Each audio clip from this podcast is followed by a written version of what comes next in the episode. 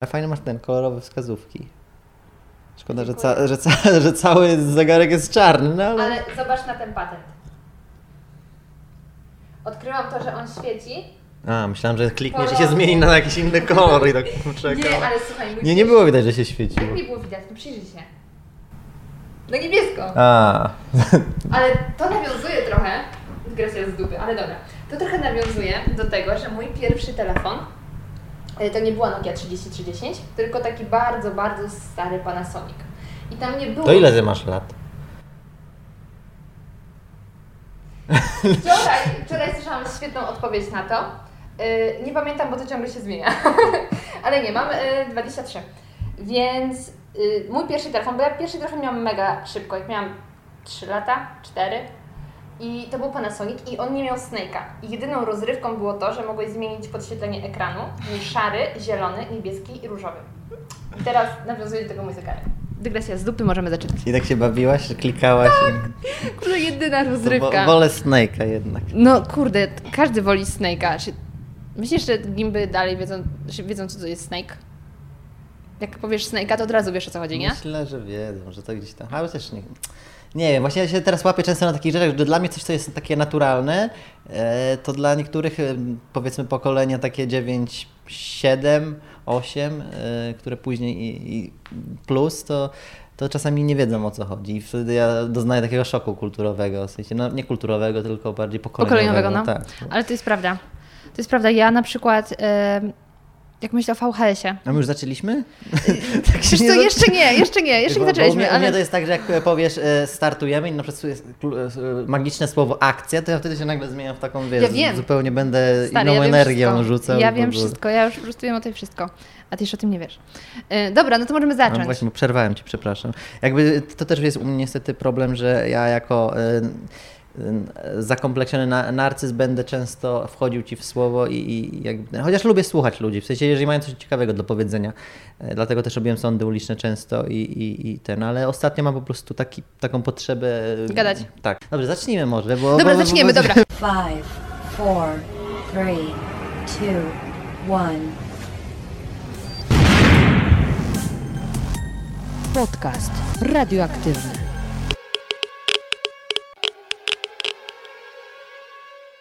Dzień dobry, dzień dobry. Witam Cię w kolejnym odcinku podcastu radioaktywnego.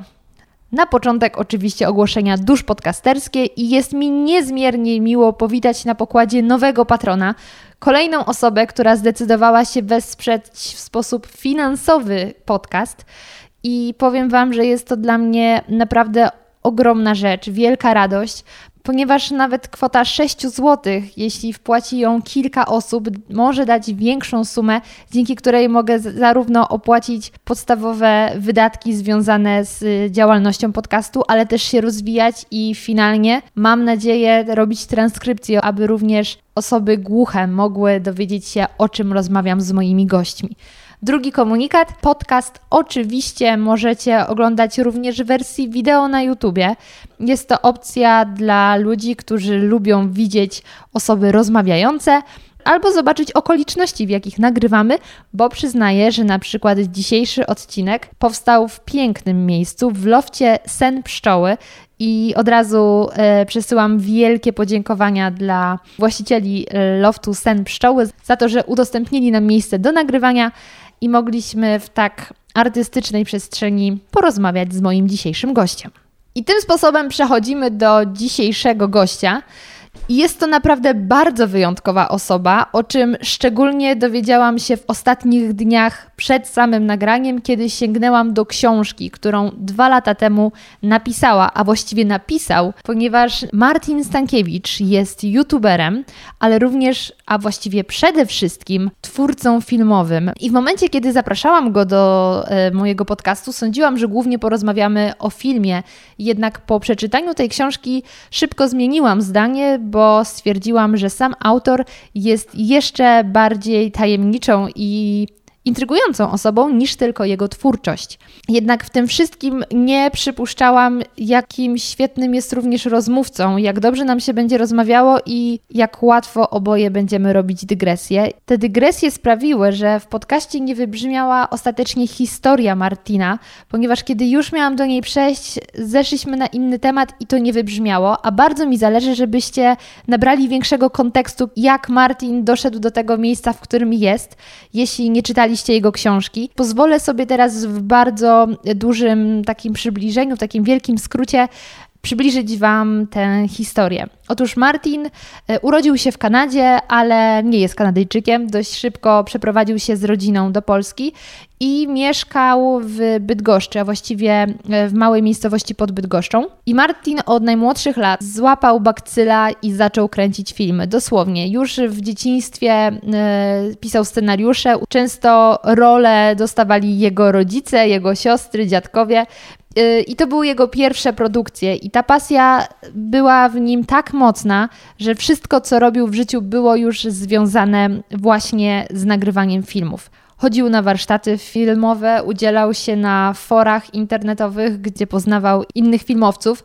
Nagrywał także swoje pierwsze filmy pełnometrażowe, które nie zawsze były pozytywnie odbierane, co spowodowało, że spłynęła na niego wielka fala hejtu, ale na jego drodze nie brakowało również sukcesów. Między innymi jego filmy były wyświetlane na zakończenie szkoły w liceum, do którego chodził, na podstawie jego scenariusza, kiedy jeszcze był nastolatkiem nakręcono reklamę telefonii komórkowej, co jest niesamowitym sukcesem. W późniejszych latach tworzył filmy na kanale to się wytnie, który należał do wirtualnej Polski, także filmy były z nim od samego początku, aż w końcu doprowadziły go do YouTube'a. Na YouTubie tworzy już od kilku dobrych lat. Jego formaty niejednokrotnie ewaluowały, ale moment, w którym znajduje się teraz, pokazuje, że warto iść za pasją, i mam nadzieję, że to, co powiedziałam, chociaż w maleńkim stopniu zobrazowało Wam drogę, jaką przeszedł Martin. Oczywiście ona była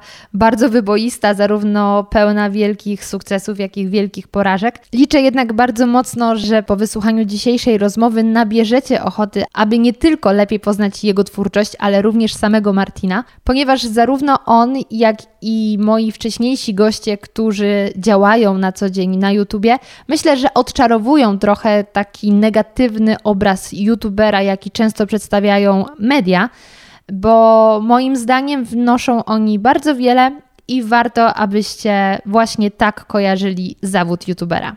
Dobrze, nie przedłużając już, bo to był wyjątkowo długi wstęp, zapraszam Was bardzo serdecznie do wysłuchania naszej rozmowy.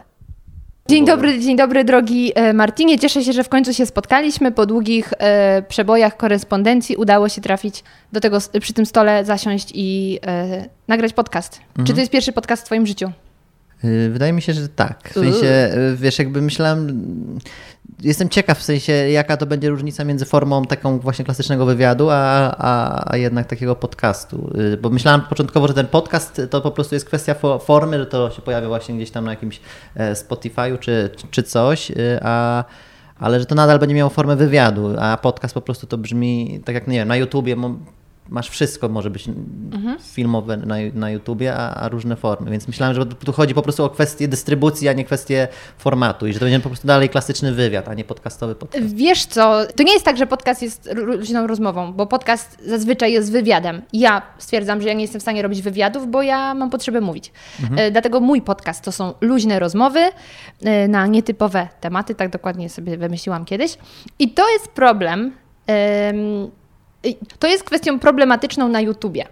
Ponieważ moi widzowie, moi słuchacze na Spotify, właśnie na iTunesie są przyzwyczajeni, że ja mówię, bo to też jest mój format i, i wiesz, jestem u siebie.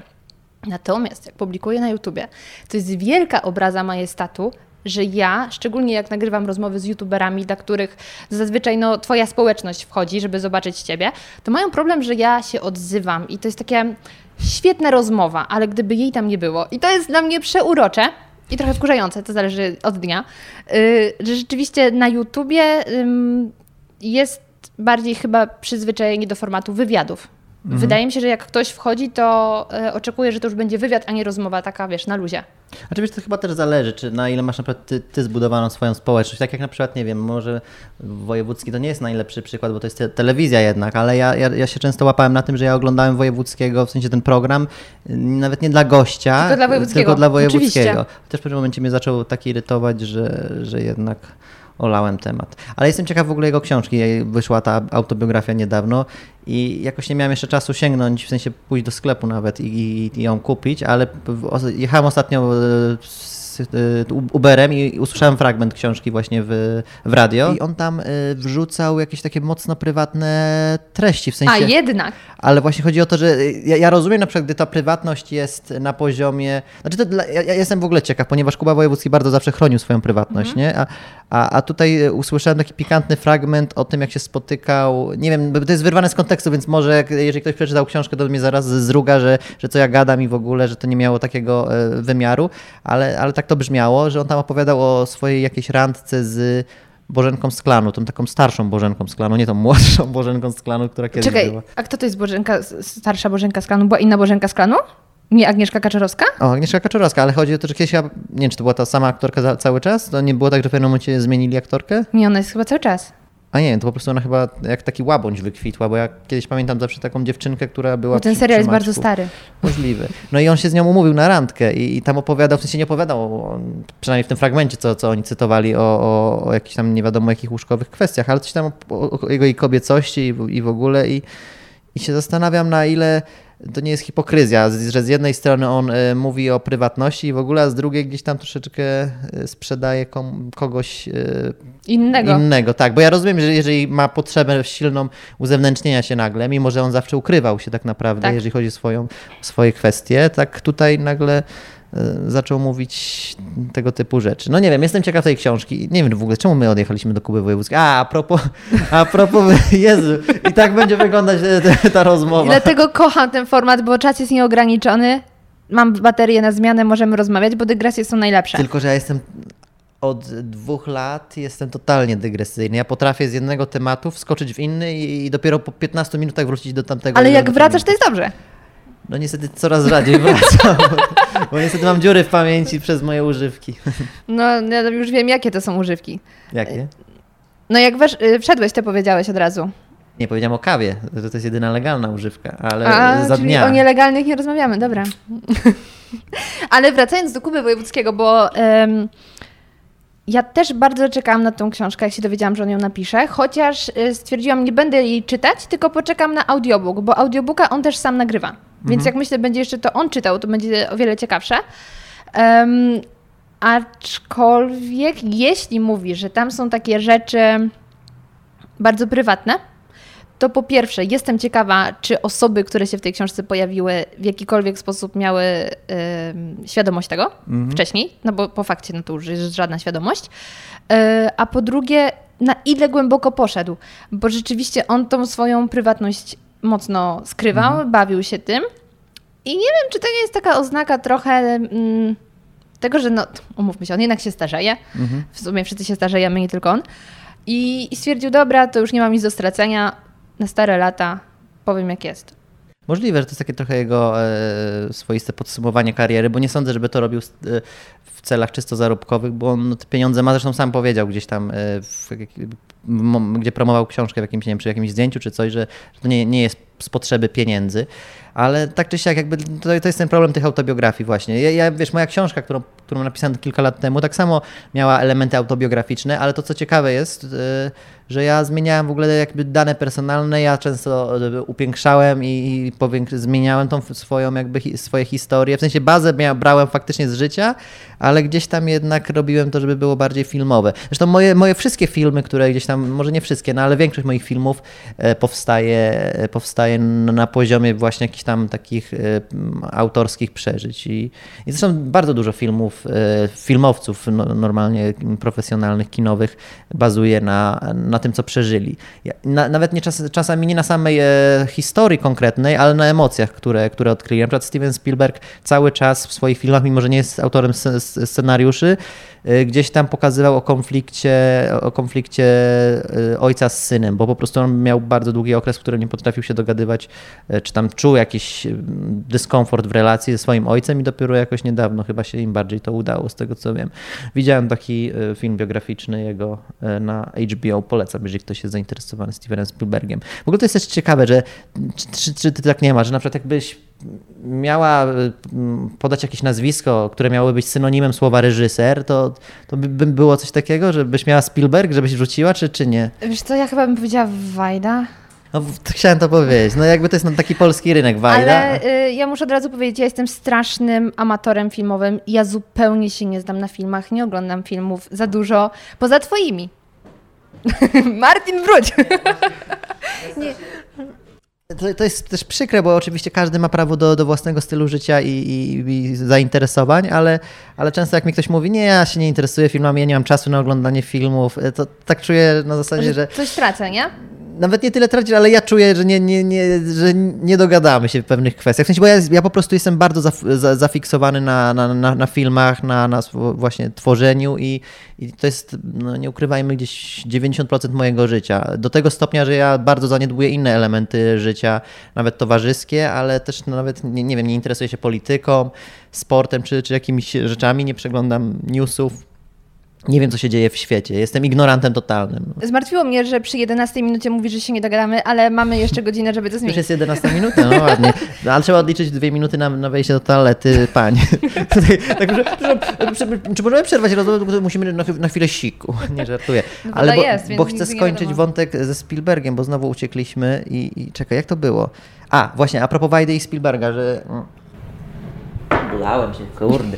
Nie się mówisz Spielberg, Spielberg, Spielberg, on jest jakimś tam Żydem? Dobra, nieważne. W każdym razie to, co jest e, jakby łącznikiem Wajdy i Spielberga, że oni oni nigdy nie byli jakimś e, takim e, twórcami autorskimi. W sensie jakby, to, zresztą to jest fascynujące dla mnie, że Steven Spielberg tego samego roku potrafił zrobić listę Schindlera, a, a i, i, i, za chwilę puścić, czy, czy odwrotna kolejność, nie pamiętam jak to było, Jurassic Park, czyli totalnie zupełnie mhm. inne filmy, które wpisały się w, w kanon kinematograficzny, są kultowe, tylko na zupełnie innych orbitach i, na innej skali. I tak samo jest z, Wajdą, że Wajda potrafił poruszać, może nie aż tak, że Wajda nie zrobiłby filmu o dinozaurach, ale też miałem wrażenie, że że u Wajdy nie widać tego takiego autorskiego kunsztu. Zresztą ja, ja słyszałem, o zmarłych się nie mówi źle, ale, ale słyszałem, że... To ja na chwilę, bo ja już w ogóle mam bardzo dużo myśli w głowie, ale to o, jedno tak... muszę powiedzieć. Ale jedno a propos o zmarłych się nie mówi Spotkały źle. się dwie osoby z ADHD. tak. Odnośnie tego, że się o zmarłych nie mówi źle.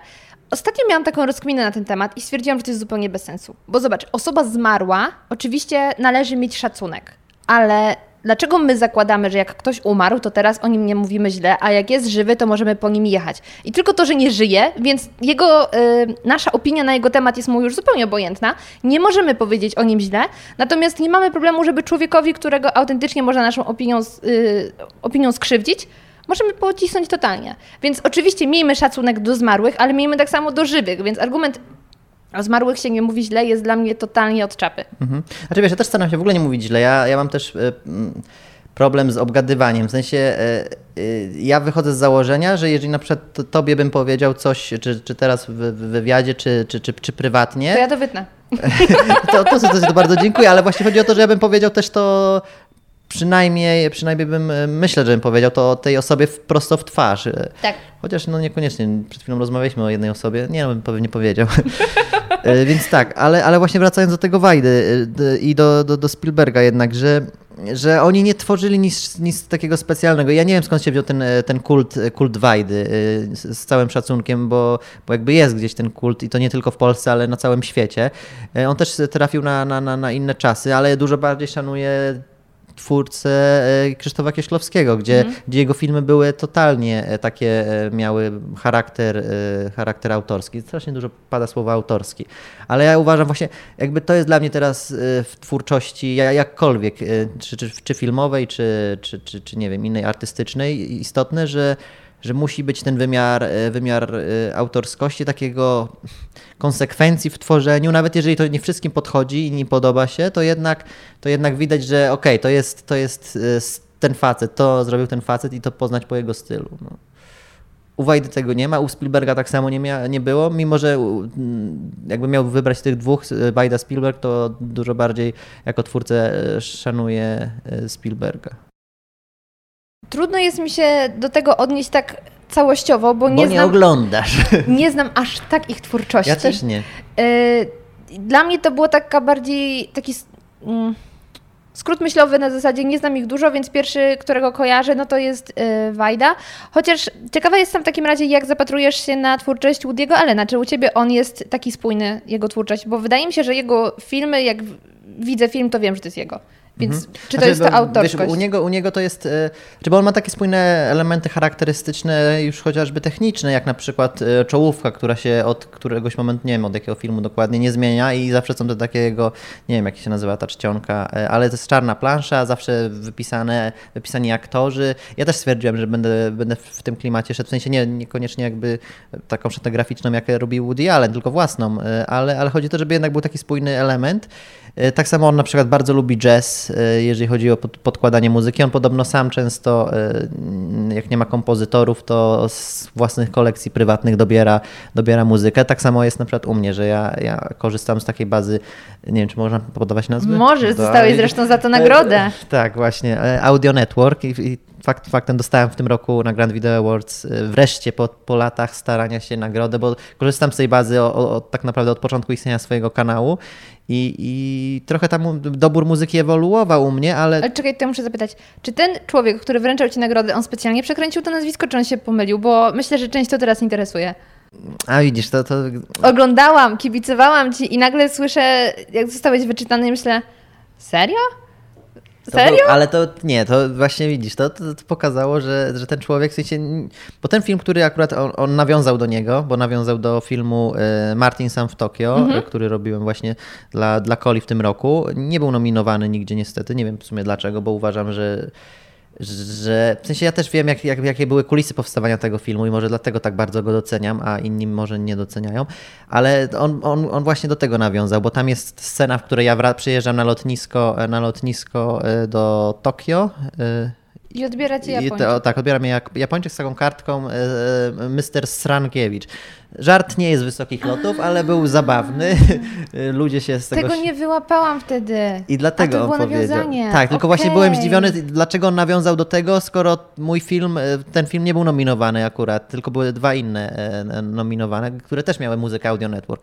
No w każdym razie to było nawiązanie do tego. Dobra. A przez to, że on tyle razy powtórzył to nazwisko i go w końcu nie pod... Y, przedstawił w tej właściwej formie, to stwierdziłam, ej, to, to coś jest nie tak. A Bo on... właśnie tamten Japończyk też tak mówił, co ja, ja co, co mówię Stankiewicz, a, ten, a Japończyk mówi Srankiewicz i jakby, okay. no Dobra. i to było, to było Dobra. Tak. Ale czekaj, bo my... Yy... Mówimy o tej muzyce i o Woody Malenie. Jeszcze nie skończyłam Woody Aha. Malenie. Jezu, ale my jesteśmy w to... O, bo ja chciałam ludzie zapytać, będą tak. Bo ja chciałam zapytać, skąd się w ogóle pojawił ten Spielberg, że potem ty no mnie właśnie, zapyta... też zastanawiam, tak gadam, on, gdzie ten Spielberg? Skąd my zaczęliśmy? Zaczęliśmy od wojewódzkiego. E, jak to przeskoczyliśmy? Przewiniemy. o Jezu, to było co... Dobra, to skończ z Woodym, bo ja już tak, chcę tak, zadać tak, pytanie. Tak, skończmy myśl o, o Woodym Allenie, że uważam, że on się cały czas y, zmienia. Jego aktualna twórczość uważam, że no niestety troszeczkę już y, wiek też robi swoje, y, ale na przykład ta obecna sytuacja jest mi bardzo przykro, jak, jak to się skończyło. To też pewnie zaraz polecimy w kolejny jakiś off-top, ponieważ to, co jest dla mnie ważne, że domniemanie niewinności niestety w opinii publicznej bardzo rzadko występuje i, i, i bardzo łatwo kogoś oskarżyć bez żadnych dowodów, oszkalować, opluć odwrócić się od niego i nie mając konkretnych dowodów. Tam była kwestia, że mm, dziecko mi Farrow oskarżyło go właśnie o, bardzo nie lubię używać tego słowa, ale muszę, bo to, to, to, to tak się nazywa, pedofilia. Uważam, że to okay. jest bardzo e, odważne zawsze e, oskarżenie, jeżeli ktoś tak, tak mówi. Nie, nie, nie wnikam, w sensie chciałbym e, wierzyć, że, że jest niewinny i mam nadzieję, że mimo tych różnych dziwactw jego Alena on jest niewinny faktycznie, tym bardziej, że słyszałem, że rodzina Farrowów często wykorzystywała różne motywy na, na jakąś tam podbicie popularności i myślę, że to, to może być też ten moment. No ale właśnie y, skończyło się z Woody Allenem tak, że, że ten jego ostatni film który produkował Amazon, e, został w ogóle schowany na półki. E, Kto tam był? Ta, jak się nazywa? To taka disneyowska gwiazdeczka. Już nie disneyowska. Selena Gomez. O. E, Selena Tych Gomez aktorów kojarzę. wys- no, domyśliłem się. Dzieciństwo. Wystąpiła właśnie u niego i, i później przeprosiła i żałowała, że. Czy mam nadzieję, że nie pomyliłem tego naz- na- nazwiska, nie przekręciłem w sensie tej osoby, że to ktoś inny nie powiedział. No ale w każdym razie ona powiedziała, że żałuje, że, że wystąpiła u niego i że całą garzę przekazuje na jakąś tam. Fundację. Nie wiem, czy fundację, czy cokolwiek, no na jakieś tam powiedzmy do, dobre cele. I, no i to, to, to jest przykre, że nagle wiesz, e, ludzie, którzy wiesz, aktorzy, wszyscy mówili, o chcę zagrać u Woody'ego Lena, zawsze to jest moje marzenie, nagle się od niego odwracają i, i, i koleś, na szczęście to jest koniec już, w sensie nie koniec e, jego kariery, ale na, na szczęście to już jest w takim wieku, to, to się z- zdarzyło. No on ma tam ponad 80 lat. I to jest też dla To jest mnie piękne. imponujące u niego, że facet potrafił e, rok w rok puszczać film. Po prostu to, to było, nie, nie było chyba nigdy przerwy jakiejś większej. Teraz właśnie jest ta przerwa przez to, że, że ten film nie wyjdzie. A może wyjdzie, mam nadzieję, bo, bo, bo szkoda by było jednak. Uważam, co by nie mówić, to, to, to jakaś tam praca poszła.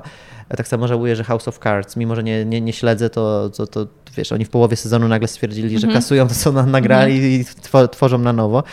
Yy, ale no ale właśnie to, to podziwiałem w, Woodym Allenie i to też właśnie gdzieś tam czytałem w jego biografii, yy, jedna z nielicznych biografii, którą przeczytałem prawie że w całości, często wracam do jakichś fragmentów, że miał zawsze z tym problem, że, że go gdzieś zaszufladkowali w te, w te komedie, a on miał dużo większe potrzeby. On chciał być zawsze e, Bergmanem takim trochę. Ale myślisz, że I gdyby nakręcił właśnie coś On innego... próbował nakręcić Aha, i, i- i, i jakby to, to, to nie zawsze wychodziło. On później mówił, że teraz by to nagrał inaczej, ale ja uważam, że po prostu nie wszyscy muszą być Bergmanami. W sensie jego komedie, z, moim zdaniem, mimo że są e, często właśnie e, zabawne i, i obyczajowe, bardzo mają dużo przesłania i są, są A mądrymi często są filmami. gorzkie moim zdaniem. Tak, no totalnie. Jakby im, im bardziej on szedł, e, się, się starzał, to też dojrzewał, bo te jego pierwsze filmy często bazowały nawet prawie że na, na slapsticku, na przykład Bananowy Czu, Czubek, który był jego debiutem. E, Bananowy Czubek nie był jego debiutem. Złap... Kurde, jak się nazywało to? Bananowy Czubek nie był debiutem. Co było debiutem? No nieważne. Czekaj, teraz zrobimy taki YouTube'owy y, y, motyw. Tutaj się pojawi właściwy tytuł. dokładnie. Może się nie pojawi, nieważne. Jaki to był tytuł? No w każdym razie to była taka mocno e, slapstickowa komedia, e, trochę w, w, ko- w konwencji mockumentary. Jakbyś obejrzała ten film i później na przykład, nie wiem, Wszystko gra, które jest w ogóle już nie jest komedią, nie wiem czy widziałeś Wszystko gra? O czym my tu mamy rozmawiać? O Który tobie. jest dla mnie majstersztykiem i troszeczkę nawiązuje właśnie do Dostojewskiego i Zbrodni i Kary. To, to są zupełnie inne, in, inne A to rzeczy. czytałam. No. Więc, więc, a ja nie czytałem, No, więc widzisz. widzisz. No. Więc wiesz, no więc kończąc temat Woody'ego Allena, bo nie, nie, nie wszystkich to, to, to musi interesować. Uważam, że Woody Allen jest e, autorskim kinem i, i, i można mówić o nim teraz bardzo źle. Ja cały czas będę e, sercem z nim i, i będę mu i kibicować jako twórcy i też jako człowiekowi, mimo że go nie znam, ale wierzę, że, że, że jest niewinny. Bo ja generalnie bardzo wierzę w ludzi. Tak samo było, jak była sprawa z, z, z Bardęgą i Denem Ferrerim. Trochę tak uciekliśmy od tego, no ale to jest nawiązanie właśnie do domniemania niewinności, że uważam, że to, co zrobił Sylwester, nie wiem, czy ty słyszałaś o tej aferze, że to, co zrobił Sylwester, e, niezależnie od tego, czy Denny jest winny, czy nie, a nadal po- podtrzymuję, że jest niewinny i, i myślę, że wszyscy powinni teraz to, po, po tych e, rozwoju wydarzeń e, wierzyć Denemu, to uważam, że nie powinno się oskarżać w taki sposób, jak on to zrobił, bo on zrobił to po prostu na zasadzie, tak, jestem pewny, że on to kupił. Można po prostu gdzieś pokazać, stawiać hipotezę, a on postawił taką mocną tezę i to z wykrzyknikiem. I to, to było słabe bardzo. I, i nie, niezależnie, czy, czy, czy ja lubię Sylwestra, czy lubię Denego, ja zawsze będę stał po stronie e, tej, tej, która jest atakowana. Nigdy nie będę atakującym, bo uważam, że w ogóle nie powinno się atakować. To prawda. Ja też uznaję taką zasadę, że najpierw trzeba spróbować pogadać. Komunikacja jest istotnym narzędziem rozwiązywania No konfliktów, a ludzie y, z tego nie korzystają, bo to jest trochę bardziej wymagające, daje lepsze efekty, no ale trzeba się trochę wysilić, niż po prostu kogoś oskarżyć. E, także jestem też w dużej mierze po stronie takich atakowanych. Znaczy w ogóle jakby, mm, y, bo, bo studiowałem dziennikarstwo, moi drodzy. Nie poruszaj wszystkich wątków, bo ja już chcę o nie zahaczyć, Dobrze, a później idziemy tylko, w dygresję. tylko powiem właśnie, że jakby e, prawda, e, p- e, zawsze informacja powinna stać, z tego co pamiętam, na, na, na trzech nogach. Z tego, co tak mi mówił mój wykładowca, czyli jakby... Grząski grunt. No, Jeżeli się pomyliłem, to przepraszam, ale Wardęga absolutnie złamał wszystkie zasady dziennikarstwa, rzetelnego dziennikarstwa i, i nie sprawdził w ogóle jakby Dlatego nie jest swoich... dziennikarzem, tylko youtuberem. Nie, Tak. żebym tutaj uderzała w youtuberów, bo jak najbardziej nie. No tylko no nie jest dziennikarzem. No ale on to robi w imię, wiesz, w imię niby... e, st- Śledztwa. się- nawet nie śledztwa, on, on uważa się za, za, za normalnie takiego, wiesz, strażnika, strażnika YouTube'owego, a uważam, że on prze, przestrzeliwuje te tematy, a po drugie też uważam, że robi to dla, dla wybicia, dla popularności jakiejś tam, żeby znowu było o nim głośno. Ja mu nawet to zarzuciłem w prywatnej rozmowie, że, że, że tak jest i, i on mi gdzieś tam po części przyznał rację, chociaż nie, nie, nie, nie do końca, ale, ale, ale tak. No i, i dlatego ja nie, nie podoba mi się tego typu e, tworzenie kontentów, no, kontentu. Martinie, zawędrowaliśmy do Wardęgi od Wojewódzkiego, także gratuluję. A teraz chciałabym e, nawiązać na chwilę do motywu tego, że ja nie oglądam filmów. Ja e, nie wychowałam się w domu, w którym się oglądało filmy i był jakiś taki kult, także nie wsiąknęłam tego z mlekiem matki, czy jak to się tam mówi. Natomiast jak już idę do kina, to albo idę na filmy biograficzne, albo na filmy związane z, z przekrętami finansowymi. Po prostu uwielbiam tematy Wall Street i takich złych rzeczy. Ja, nie- przepraszam, że też wejdę ci słowo. E, To będzie taka sekundowa, to nie będzie nawet dygresja, ale ja jak oglądam te filmy, to często w ogóle nie ogarniam o co chodzi. Oni nawet próbują, był taki film Big Short. Big Short, tak, i tam, tam właśnie też Selena Gomez była, która próbowała jakoś... ta- wannie, nie, ona w wannie akurat nie była, ona była w kasynie, no. I ona próbowała wytłumaczyć to w jakiś Tak. sposób, ten, i ja nadal nie wiedziałam o co No chodzi widzisz, w tej chwili. Ja akurat tylko dlatego, że wcześniej przeczytałam y, książkę o tych przekrętach i o tych y, kredytach. Y, tam super coś tam mm, podwyższonej, y, podwyższonego ryzyka, wiedziałam o co chodzi.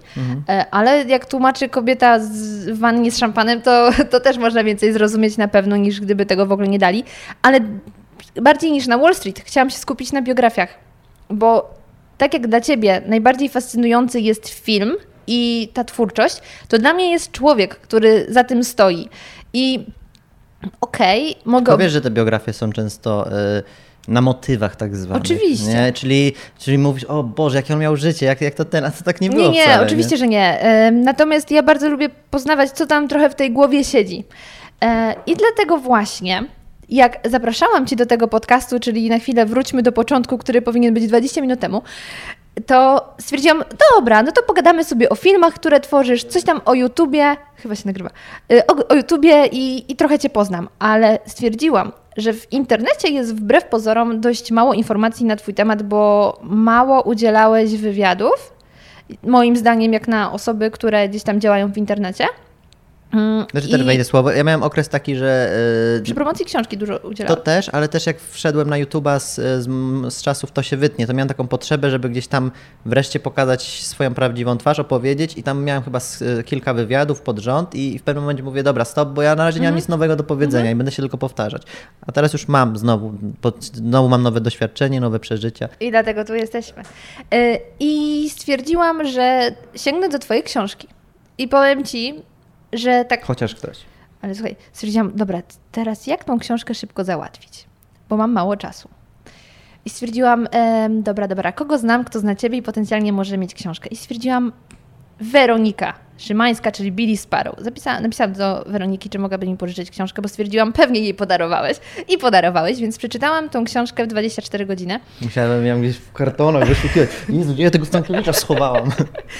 I sobie pomyślałam po przeczytaniu tej W książki. ile przeczytałaś? 24 godziny. W formie. A, zrozumiałem w pół godziny, ja. No spoko. Tam nie było dużo obrazków. Znaczy to było w ogóle forma też wywiadu. Czy Tak, sporo bardzo, bardzo fajna forma, muszę powiedzieć, bo ja w ogóle y, dawno, dawno temu słuchałam Twojej rozmowy z Karolem Paciorkiem, jak jeszcze miał ten swój stary format, i Karol poruszył temat tej książki. I Karol był do niej mocno sceptyczny. A ja muszę powiedzieć, że to nie jest y, typowa książka youtubera i nie spodziewałam się wręcz takiej książki. Myślę, że super to rozegrałeś. Ym, I właśnie po przeczytaniu tej książki stwierdziłam, o kurde, ten podcast nie będzie tylko o filmach. Bo ty jesteś tak człowiekiem pełnym sprzeczności, że stwierdziłam, że o tym musimy pogadać. Bo ty jesteś osobą, y, w ogóle to będzie teraz dygresja. Y, Ja twoje filmy w sieci kojarzyłam, ale najbardziej się wkręciłam w odkrywanie starych produkcji po Czarnym Lusterku, bo stwierdzam, że ten film to jest majstersztyk. Z tych czterech, które powstały, myślę, że to jest najlepsze. drugi Darwini, Yy, ale tak, w takiej kolejności. A potem zaczęłam tam sięgać do kolejnych i już jestem powiedzmy na bieżąco. Natomiast wcześniej Cię nie obserwowałam, bo ja też bardzo późno weszłam w tematykę YouTube'a, późno odkryłam, że są YouTuberzy. Ale to już nieraz o tym w moim w podcaście YouTube mówiłam. istnieje. Że jest YouTube, nie? Co tam, że 2005 rok. I co ja chciałam powiedzieć? Yy, aha, ale potem, jak już do ciebie napisałam, zaczęliśmy pisać, to się okazało, że ja do ciebie kiedyś napisałam jako reporterka polskiego radia, żeby zaprosić cię do materiału o sucharach. I po prostu, jak mi to uświadomiłeś, to stwierdziłam, Jezu, ale to było dawno temu.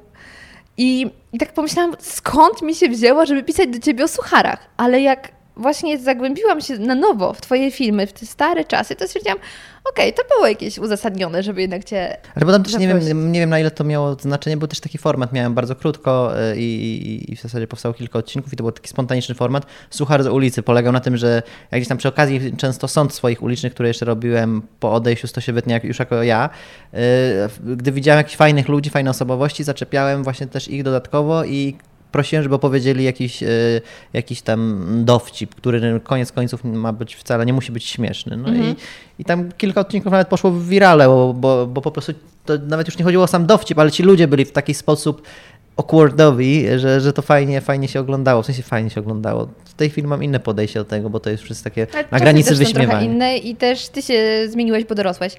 Yy, Ale no, warto powiedzieć, nie przyjąłeś tego zaproszenia, nawet mi nie odpisałeś. Zły człowiek. Nie odpisałem? Nie odpisałeś. Ale być może to wynikało z tego, że ja nawet nie wyświetliło mi się gdzieś Dobra, tam. dobra, okej. Przyjęłam to, ale wtedy ktoś inny mi się wypowiedział, chyba suchar codzienny. Wtedy jeszcze nie byli znani tak bardzo. Chyba.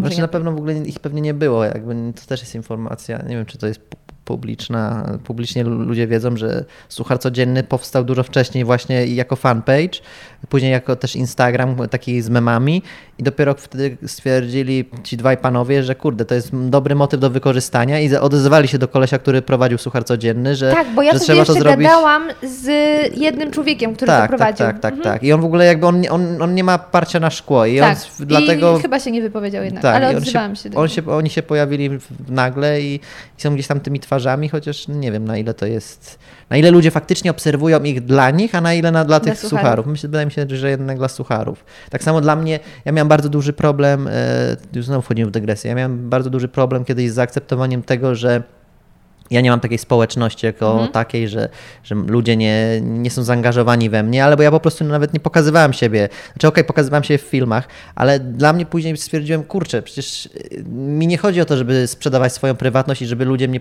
e, lubili dla, dlatego, bo jestem, tylko żeby ludzie lubili moją twórczość. I dopóki e, tworzę filmy i one się oglądają całkiem nieźle, to to jest y, okej, bo właśnie no, ja nawet teraz stwierdziłem, że nie muszę się pojawiać w swoich filmach, bo, bo to nie chodzi o to, żeby mm, twarzował. Nie mam parcia już na szkło. Ja po prostu mam parcie na, na, na, na, na, swoją ekspresję taką twórczą i żeby ludzie to doceniali. Na przykład nawet zdjęcia moje na Instagramie w tej chwili nie są takimi klasycznymi, lifestyle'owymi rzeczami, Selfie. tylko, tylko właśnie są... Nawet nie selfie, bo teraz selfie już się przestało być modne, bo, bo ludzie z, coraz bardziej zwracają uwagę jednak na to, żeby ten Instagram był ładny i taki artystyczny gdzieś tam bardziej lub mniej, ale jednocześnie e, w większości wypadków e, cały czas dotyka ten taki prywatny lifestyle.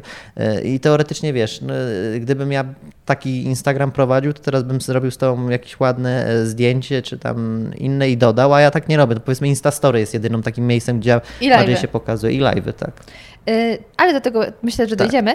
Natomiast do czego ja zmierzałam, to że nie spodziewałabym się i nie spodziewałam się, dopóki nie przeczytałam tej książki, że ty masz taką historię. I pod, spodobała mi się ta To historia. brzmi jakbym tam nie wiadomo co wiesz, tam Że był w jakimś gułaku albo kurde, no. Nie, masz historię, że ty naprawdę długo na to pracowałeś. Mega długo. I to, co I najbardziej. byłem konsekwentny. Byłeś wszystkim. konsekwentny, tak. Właśnie i teraz się zastanawiam, na ile my powinniśmy to skrócić, tą historię, a na ile powiedzieć, y, zróbmy product placement, y, sięgnijcie do tej książki, bo czyta się szybko i przyjemnie. Tak. To jest w formie prowadzenia takiej trochę terapii z tobą. E, chociaż serio, gdyby to miał być taki psychoterapeuta, do którego bym poszła, to bym po pierwszej wizycie do niego nie wróciła, bo on był chamski. Tak, no właśnie tu- tutaj mieliśmy takie trochę dyskusję z wydawnictwem, na ile to jest e, pokazanie, na ile po prostu wy- wykorzystujemy tą konwencję psychoterapii jako mrugnięcie okiem, a na ile to powinno być faktycznie jakoś tam zawodowe. No ale gdyby to miała być prawdziwa psychoterapia, to te pytanie zupełnie miałoby inną formę i, i pewnie gdzieś inaczej Pytania by to byłyby, się... jak się z tym czujesz? No właśnie, jakby ja chodzę na psychoterapię i nawet jakoś nie, nie, chyba pierwszy raz mówię o tym publicznie, więc widzicie. Też chodzę, także pokaż kogoś, E, ale kto to, teraz te, ale to też jest właśnie e, istotne, że e, kiedyś miałem wrażenie, że jak ktoś powie, że chodzę na psychoterapię, to o Jezu, jakiś wariat albo ten, a uważam, że to jest bardzo zdrowe i Mhm. każdy powinien. W Ameryce to jest dużo bardziej popularne i rozwinięte i mam nadzieję, że w Polsce też będzie, bo warto czasami gdzieś się odbić. Chociaż też uważam, mm, że trzeba trafić na jakiegoś do, do, dobrego człowieka. Ja mam z tym trochę problem, bo mam wrażenie, że ci ludzie nie są w stanie mnie zrozumieć, ale to nie jest ich wina, Mhm. tylko to jest wina tego, że ja sam siebie nie potrafię zrozumieć. I jakby jeżeli ja, będąc 24 godziny na dobę ze swoim mózgiem, nie wiem o co chodzi temu typowi tam, to dlaczego jakaś osoba z zewnątrz ma to rozumieć, nie? Y, Wiesz, że ja miałam takie same obawy? I y, po wizycie u pierwszej babki stwierdziłam, nie pani droga, my się nie dogadamy. I poszłam do drugiej, bo brakowało mi interakcji z jej strony. Ja, y, jak to się opowiadałam, to czasami słucha, rzucałam jakimś sucharem, wiesz, na rozluźnienie atmosfery, a ta kamienna twarz i myślę, o nie, nie, tak nie będziemy rozmawiać. I znalazłam sobie taką, która reaguje na moje żarty. Y, Okej, płacę jej za to, ale wiesz, zawsze milej.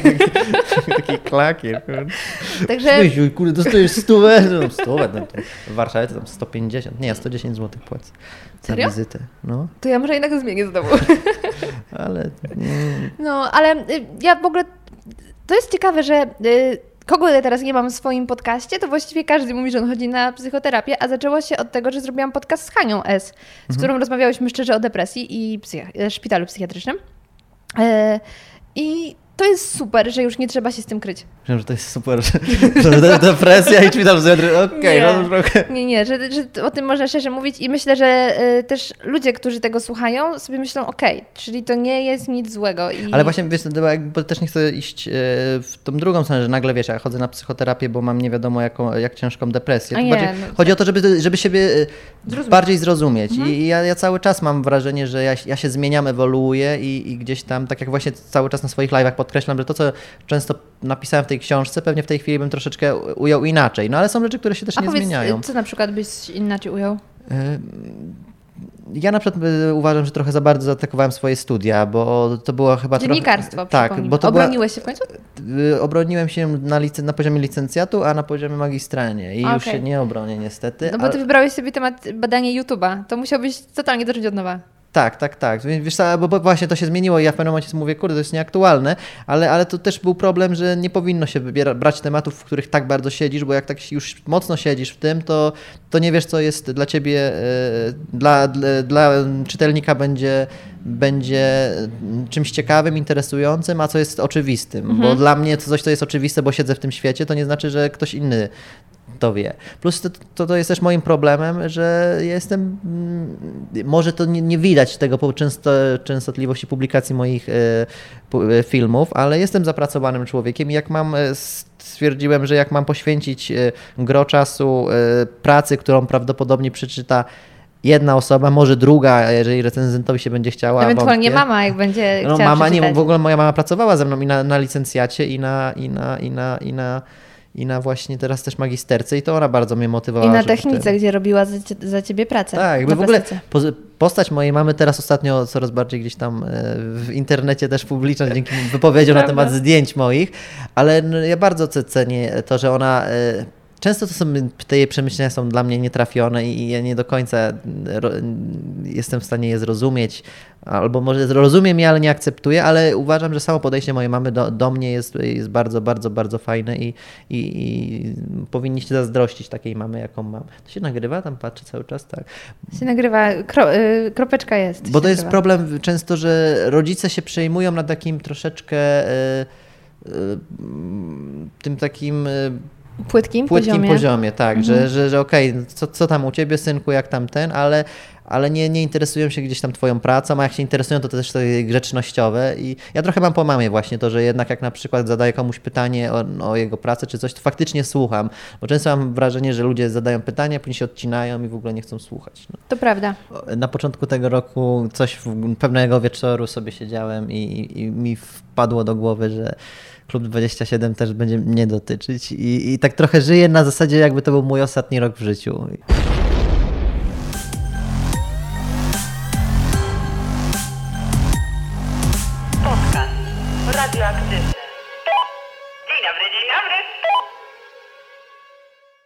Ale my znowu wychodzimy w dygresję, bo nie dokończyliśmy te- te- tych historii. Ja tylko chciałam powiedzieć o tej książce Studiów. jeszcze.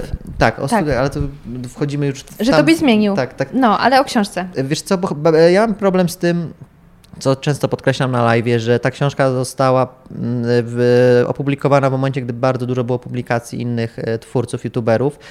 I, I ona została wrzucona do jednego wora, że to jest jakaś e, publikacja, która wiesz, mówią, jak facet może napisać książkę ala biograficzną, przeżywając tam 25 lat.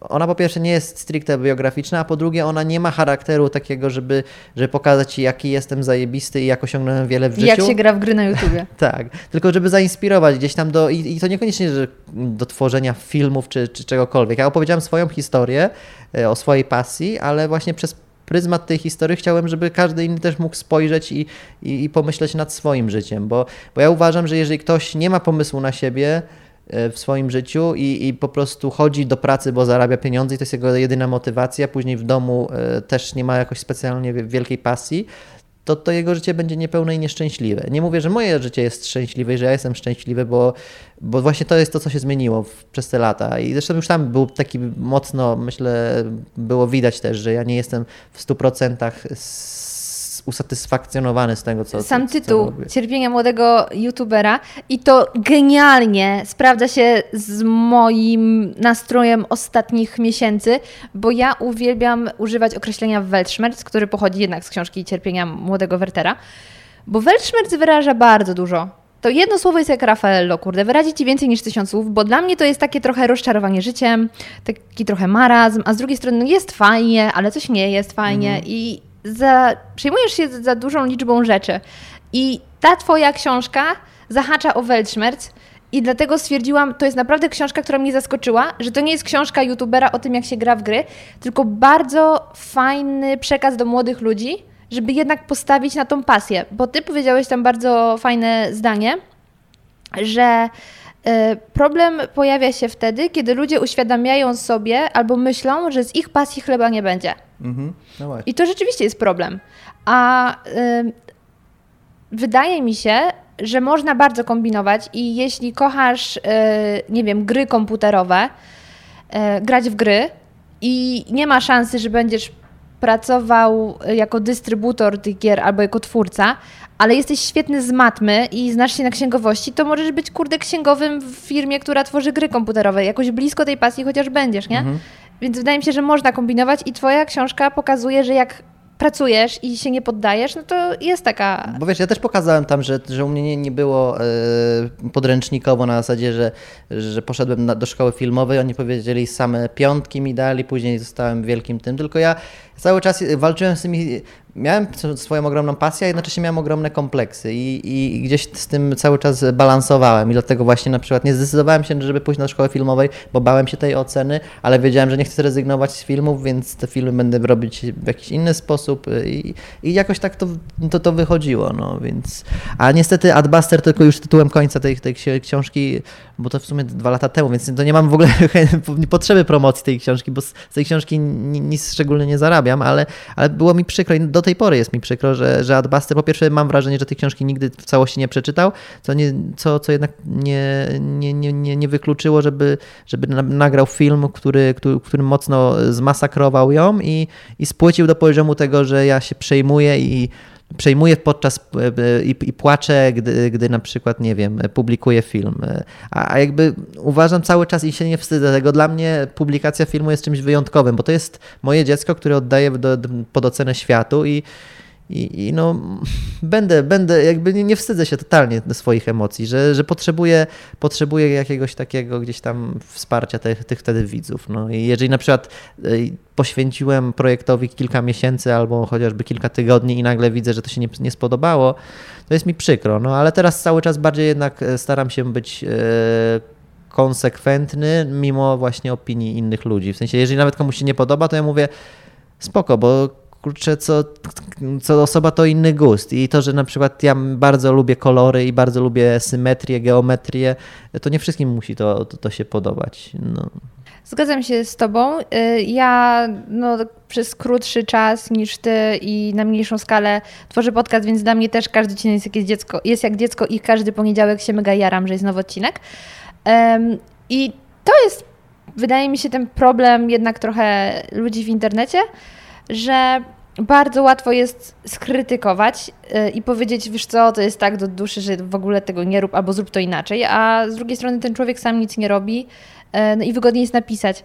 Więc mm, no, ten feedback jest ważny y, i nie zawsze będzie pomyślny, no bo tacy są też ludzie i nie musi im się podobać, umówmy się, okej. Kwestia tylko, jak tą krytykę się podaje. Ale to, że właśnie się przeżywa wielkie emocje związane z publikacją, to jest dla mnie zupełnie nat- naturalne, no bo, no bo pracujesz nad tym i No przyjmujesz się, bo to jest twoje. No właśnie, więc Uzewnętrzniasz się w jakiś dlatego sposób. nie, nie, to, to mnie zabolało, bo Adbuster jakby myślałem, że jest kto, kto jak kto, ale Twórca. kolega z branży, twórca Mhm. to zrozumie, ale najwyraźniej po prostu bo z całym szacunkiem są na YouTubie to, co mnie boli, yy, no nie wszyscy twórcy są artystami. Ja jakby to, artysta to też jest bardzo górnolotne słowo, ale yy, nie uważam, że artysta to musi być ktoś, który jest nie, nie wiadomo jak, jak utalentowany. Artysta to jest pewien sposób bycia, osobowości i podejścia do, do, do tworzenia. Ja czuję się artystą i mogę to powiedzieć publicznie.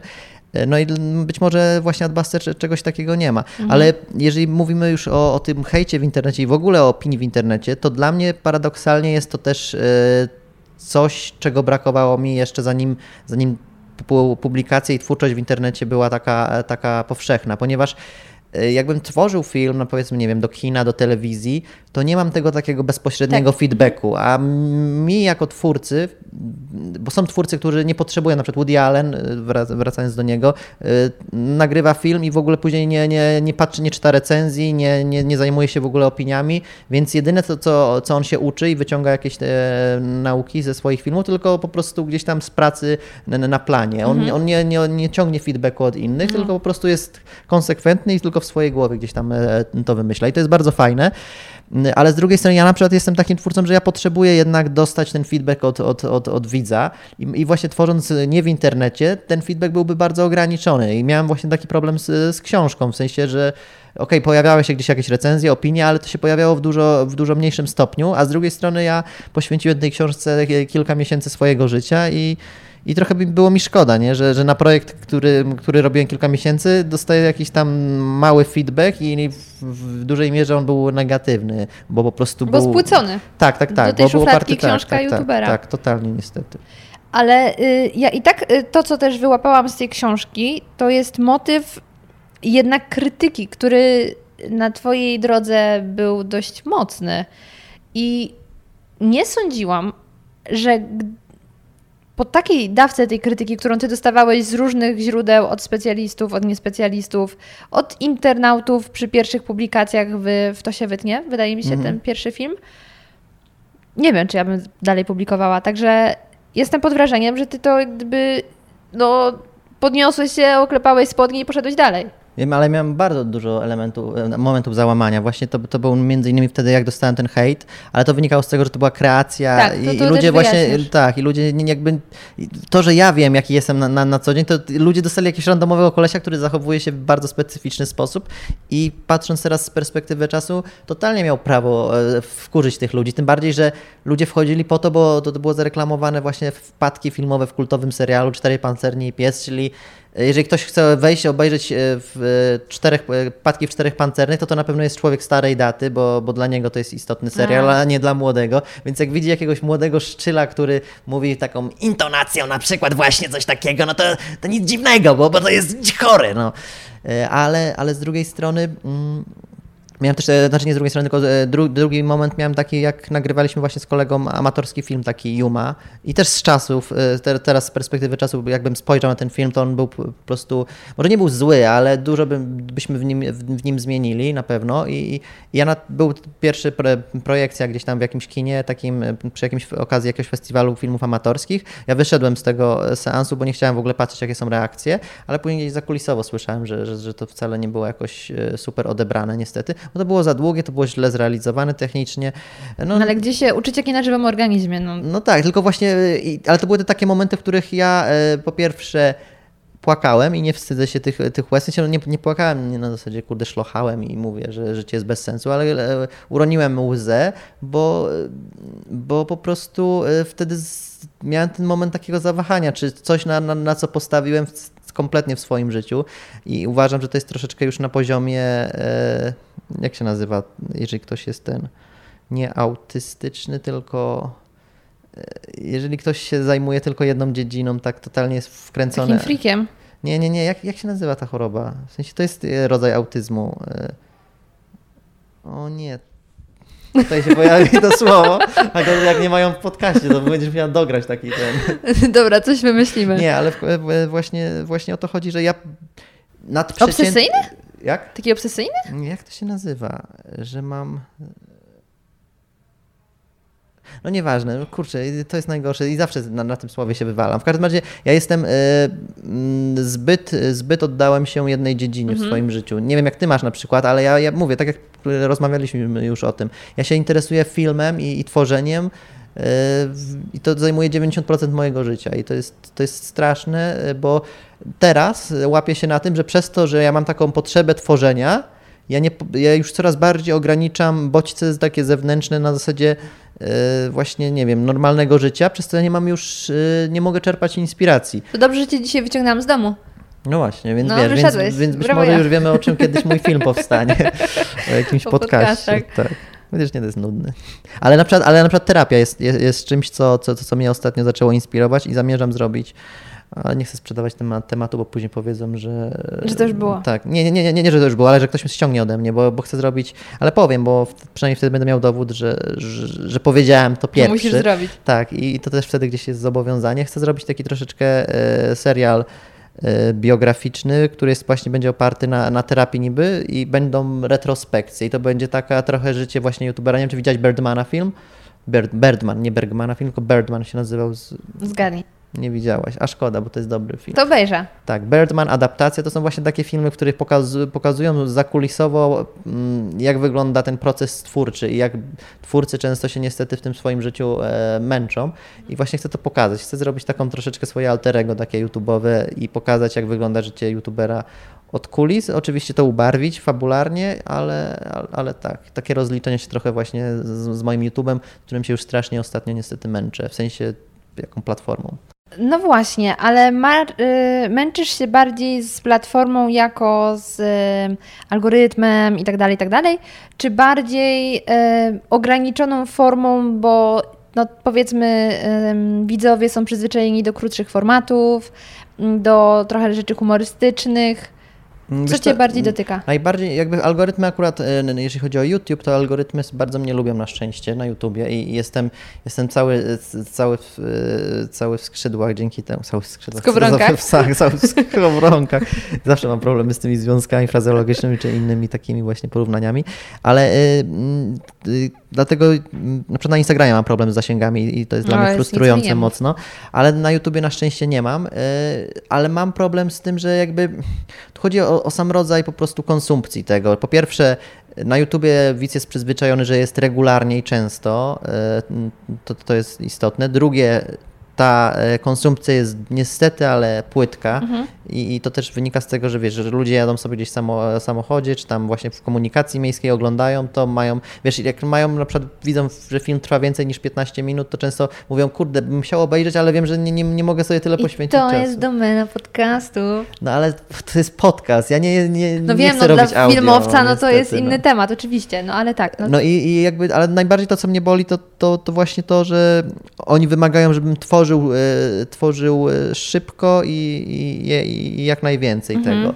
I to tak samo w ogóle, jeżeli chodzi na przykład o branżę tę branżę e, agencyjną i jakby współpracę z, z markami, że uczę cały czas tych, te- tych klientów, że to jednak content is the king, a, a, a sieci partnerskie niestety, nie będę podawał nazw e, konkretnych, ale był, był wywiad z jednym z, z CEO e, pewnej sieci partnerskiej, który powiedział, że to nie treść, a dystrybucja jest najważniejsza. I, i to stwierdziło, nie, nie, nie, nie kolego. I najgorsze, że ja w tym, wy, to był wywiad, e, gdzie ja brałem udział w sesji z nim, z tym, z tym, z tym facetem. Jakby prywatnie go, go bardzo lubię, ale nie wiedziałem, że coś takiego padnie tam, bo, bo ja jestem kompletnie przeciwnikiem. mm, Bo jesteś artystą. tak, jakby, więc wiesz, w sensie. I to mnie boli, że, że, te, ag- że te marki zawsze nie patrzą na to, jak, jak, jak, jaka ta, ta treść będzie, tylko żeby to było e, zasięgowe. Oczywiście teraz coraz bardziej chcą, żeby to było, a zrób to takie w takim stylu, jak zrobiłeś na przykład, nie wiem, facet kontra Ikea, ale tylko dlatego, bo to było sukcesem komercyjnym i wyświetleniowym. No ale, Ale było naprawdę dobre. ale wtedy powiedzieli na przykład, zrób to tylko, wiesz co, jakbyś mógł mi po- podesłać pomysł na jutro, e, bo, bo, bo, bo, bo, bo, bo się spieszymy z briefem. A ja mówię, no nie, nie, to, to, to ja dziękuję za to, bo jakby ja w tym roku odrzuciłem e, z kilkanaście, jak nie kilkadziesiąt briefów, bo po pierwsze nie miałem pomysłu, i, bo nie czułem w ogóle tego konceptu, że był spójny ze mną, ale to, co właśnie jest najważniejsze, że jeżeli ja nie, nie wymyślę czegoś, co będzie dla mnie faktycznie dobre w mojej głowie, to ja tego nie chcę tworzyć. I, i, i- i klienci tego nie rozumieją. Oni myślą, że, znaczy nie wszyscy, ja też nie chcę uogólniać, ale oni myślą, że wyłożymy pieniądze na stół i nagle zrobię, zrobię dla was wszystko, zrobię to w dwie minuty. Dlaczego na przykład w branży filmowej, takiej stricte kinowej czy, czy, czy serialowej jest na to czas, czas na tworzenie. Jeżeli na przykład mam y, y, y, projekt serialu, to sam development, czyli przygotowanie się do wejścia na plan trwa często, nie wiem, pół roku. A oni oczekują, że ja stworzę film y, w, w kilka dni. I często tak się dzieje, bo ja na przykład miałem IKEA, byłem spóźniony dwa, dwa tygodnie, byłem po deadline ze scenariuszem, już kampania się kończyła, ja już miałem umowę podpisaną, więc musiałem ten film stworzyć. I nie wiedziałem, co napisać. W końcu coś wymyśliłem i musieliśmy zorganizować plan dosłownie w pół tygodnia. Później dwa dni zdjęciowe, które, które opiewały na 16 godzin, czyli złamanie wszystkich w ogóle zasad e, pracy. I, i, I ja tak nie chcę i to mnie, to mnie najbardziej męczy. A po drugie, to męczy mnie też e, właśnie niestety to środowisko, które tam jest. W sensie są oczywiście twórcy, których bardzo cenię, e, których twórczość cenię, typu właśnie, nie wiem, Darwini, Szparagi, Krzysiek Gonciarz, y, którzy tworzą faktycznie fajny content, y, ale, ale są też twórcy, którzy, którzy są po prostu Po prostu są. tak, i, i często są na poziomie jakiejś tam patologii i to jest oglądane i to też jest przykre, nie? I to jest wina też widzów i to też jest kolejny aspekt właśnie, czyli widzowie, którzy, którzy mam wrażenie, no e, jakby jak ja spotykam się z jakimiś ludźmi i myślę sobie, o fajny człowiek, fajnie się z nim rozmawia, to ta osoba często w ogóle nie śledzi YouTube'a i to świadczy o tym właśnie, jaki jest odbiorca na tym YouTubie. Więc ja mam wrażenie, że trochę, że się już zaczynam mijać z moim, e, z moim odbiorcą. Ale na szczęście już na Instagramie, e, przez to, że konsekwentnie publikuję codziennie zdjęcie i w jakimś tam stylu, zauważyłem trochę gdzieś tam e, rotację tych widzów, że się odeszli jacyś tacy najbardziej e, płytcy i dziecinni, bo często to jest kwestia wieku niestety, bo Ja czasem e, patrzę na czat na live'ach i O, tak sobie myślę, tak. o, podstawówka przyszła. Ja ostatnio nawet Martin zapytałem się na live właśnie, ile, ile macie lat, bo jestem ciekaw w sumie, do kogo ja mówię. I tam nagle patrzę, du, dużo takich 13, 14, 15. Pojawiały się też oczywiście 20 parę i w ogóle, i to było fajne. E, Znaczy ja uważam w tej chwili, mam dużo znajomych, znaczy znajomych, ludzi, z którymi rozmawiam gdzieś właśnie e, na zasadzie trochę twórca widz, ale tak z- bez tej bariery, którzy mają 17, 18 lat i da się już z nimi fajnie porozmawiać rzeczowo, ale to jest kwestia też po prostu e, osobowości i konkretnego podejścia do życia. I nie? też to jest trochę tak, że YouTube wychowuje tych młodych ludzi, więc w zależności też myślę, jaki kanał oglądają od początku, Mhm. z jakim YouTuberem się utożsamiają, w taką stronę być może pójdą. Mhm. No i ja mam też problem z zaszufladkowaniem, że gdzieś tam tworzyłem zawsze te śmie- śmieszkowe treści i, i ludzie często niestety y, obejrzeli mnie 3 lata temu, powiedzieli, a okej, to są takie treści, mnie to nie interesuje, albo to jest me- mega słaby koleś i nie dają mi drugiej szansy, nie patrzą w ogóle na, na to, co tworzę teraz. Ja nie twierdzę, że to jest jakaś nagle rewolucja się zrobiła w moim, moich treściach, ale, ale uważam, że jest to dużo bardziej wartościowe. Dlatego właśnie Cię zaprosiłam, mój drogi, bo tak jak Ci powiedziałam, moja społeczność często nie ogląda YouTube'a i ja staram się pokazywać twórców, którzy robią coś fajnego. E, dlatego, moi drodzy, wpadnijcie i zobaczcie filmy Martina.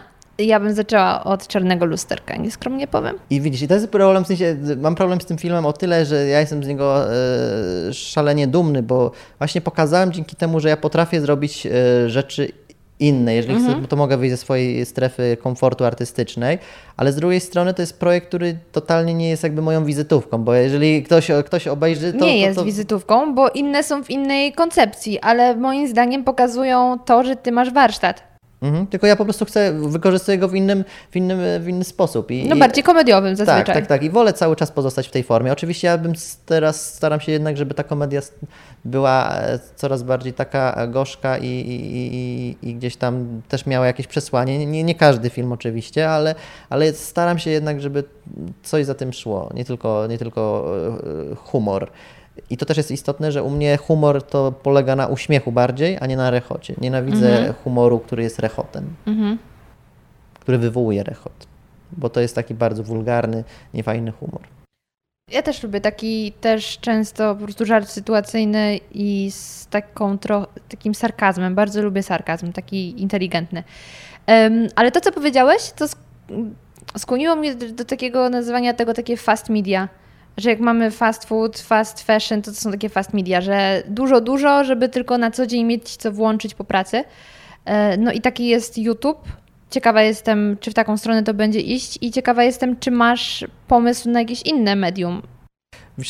Mm, ja, ja zawsze się zastanawiałem, e, e, czy, czy, bo tak naprawdę YouTube to jest tylko platforma i Mhm. tak, tak myślałem przez, przez, przez pewien okres, że to ode mnie zależy, co ja tam będę tworzyć, bo równie dobrze ja mogę stworzyć półtora godzinny film e, i, i, i to też się obejrzy, więc na, na ten moment y, mamy oczywiście cały czas gdzieś parcie, żeby pójść jakby w profesjonalną stronę bardziej i jednak y, mieć szansę, bo na przykład mnie często środki finansowe ograniczają, że nie mogę zatrudnić profesjonalnych aktorów. y, I Na live ostatnio mówiłeś, kogo byś chętnie zatrudnił. Tak, tak, tak. Jacka Braciaka na przykład, Karolaka. Wojtka Mezwaldowskiego, nawet Karolaka właśnie, bo uważam, że Karolak jest fajnym, fajnym aktorem, mimo że jest właśnie gdzieś tam niestety zaszufladkowany, nie wiem dlaczego, jako ten taki przygłup z komedii romantycznych i, i się śmieją. Ja "O, też bardzo go Karolaka". lubię. No właśnie, więc nie, nie wiem dlaczego. No i to, i to jest problem mojego YouTube'a, ale mam, mam nadzieję, y, tym bardziej, że do- dowiedziałem się mniej, ostatnio mniej więcej, jakie są stawki y, dzi- dzienne tych aktorów. Nie są to może nie wiadomo jak małe pieniądze, bo to jest często kilka tysięcy,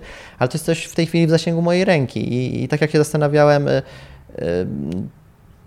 czy to jest w ogóle możliwe, tak teraz wiem, że jest. Ale bardziej nawet nie jest kwestia tylko pieniędzy, ale tego, że ja się bałem, że po prostu oni będą traktować internet jako coś gorszego. Ale na szczęście już widzę, że się robi ten trend, że jednak ci aktorzy sami chcą, wi- wi- widzą, że ten internet jest jakąś mocą Chcą i być chcą w się internecie. w internecie. Tak. Więc jeżeli ja robię w miarę fajne treści, bo oni często występują w dużo gorszych serialach, czy, czy w sensie technicznie może są lepsze oczywiście, ale, ale treściowo nie jest to nic e, wyjątkowego, a jednak robią, bo to jest ich praca, to dlaczego by nie mieli wystąpić u mnie? Więc kto wie, może się niedługo uda mi takich, e, takich ludzi zatrudnić i, i na pewno bym dużo bardziej ich wykorzystał niż te takie przeciętne jakieś tasiemce. A myślisz, żeby to jednak e, wrzucać na YouTube'a, czy coś innego da się? Wiesz, no właśnie o to chodzi, że że z jednej strony mo mogę mówić, nie, YouTube to, to tam tylko śmieszne filmiki, ale, ale, ale z drugiej to, jeżeli puszczę to nawet, nie wiem, wyobraźmy sobie, że, że, że robię film do kina, to jest jak z tą książką, żebym zrobił nagle półtora godzinny film do kina, e, gdzieś tam za, za, za dużo większe pieniądze, to tego... Nie będzie to, feedbacku. to ten, no, feedbacku nie będzie, to po pierwsze, ale ten film też obejrzy dużo mniej osób, bo No tak. jednak ten YouTube pozwala, żeby trafiał do kilkuset tysięcy ludzi, czasami do, do, do, do milionów nawet gdzieś tam wyświetleń. Nawet nie wiem, dość nawet- często u Ciebie. Tak, więc wiesz, a, a polskie filmy w dużej mierze y, ograniczają się do kilkudziesięciu, jak jest kilkaset tysięcy osób y, i to są już bardziej komercyjne filmy polskie, to to jest dobrze.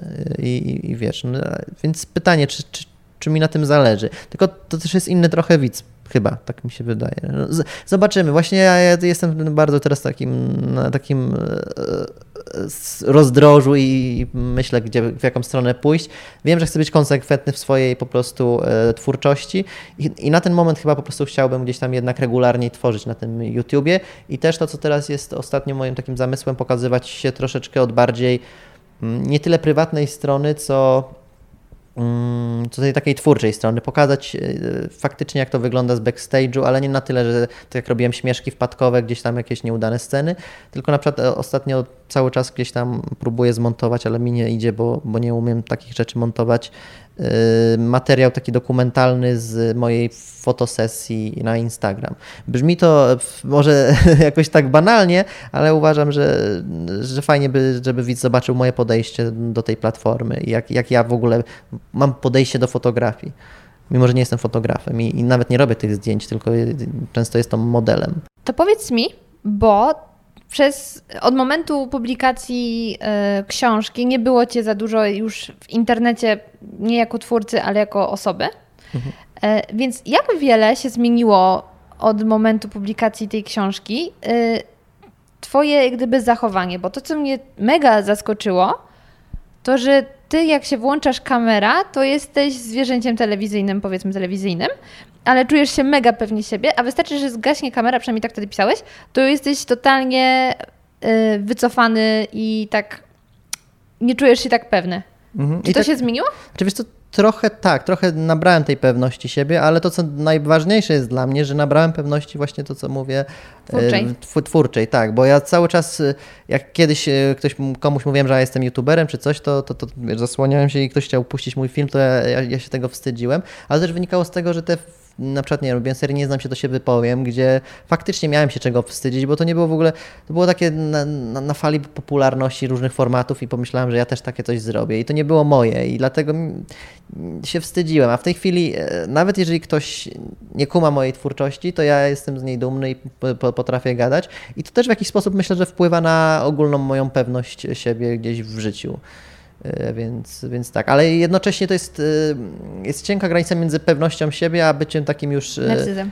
Nawet nie narcyzem, ale takim troszeczkę e, mm, bufonowatym, wy- wyżej patrzącym człowiekiem. Jakby to mi nie grozi, mam nadzieję. Chociaż mówię, po- potrafię postawić na, swoim i w momencie, gdy na przykład, nie wiem, rozmawiam z klientem, agencją i wiem, że klient na przykład ma swoją wizję, ja mam swoją wizję, to ja mówię, no, no przepraszam, jakby ja nie robię reklamy dla was jako takiej, w sensie to nie jest y, na wasze kanały, gdzie, gdzie to poleci, tylko ja robię to dla swoich widzów, ja markuję to swoją twarzą i z całym szacunkiem to będzie zrobione albo po mojemu, albo w ogóle. Tym bardziej, że ja wiem, że ja nigdy, nigdy nie mam podejścia takiego do, do, do klienta, że ja chcę po prostu nachapać się pieniędzy, y, jak najmniej pokazać y, produktu klienta, czy, czy, czy jakkolwiek. E, Tylko ja chcę zrobić, żeby i klient był zadowolony, i mój widz, i ja, żeby za- za- zadowolić wszystkich. Ale jeżeli klient wie, myśli, że wie lepiej, to, to ja po prostu nie chcę z takimi ludźmi współpracować. Bo ja naprawdę działam w dobrej wierze. Wiesz co, mam do ciebie teraz takie trochę nietypowe pytanie, gdzie nie ma dobrej odpowiedzi. Po prostu ostatnio rozmawiałam z pewną osobą mm, i ten człowiek powiedział mi, że podobno jest coś takiego, że mężczyźni w wieku 27 lat mają kryzys taki, e, związany z tym, że jest blisko do 30, a ty jeszcze masz 27, prawda? Dobrze to przeliczyłam. Tak, tak, Masz tak. jeszcze 27. E, I dla mnie to było zaskoczenie, bo tak mówię, ale słuchaj, co jest takiego w wieku 27 lat, bo przecież bliżej 30 jesteś jednak w wieku 29 lat, więc dlaczego w wieku 27 masz mieć kryzys?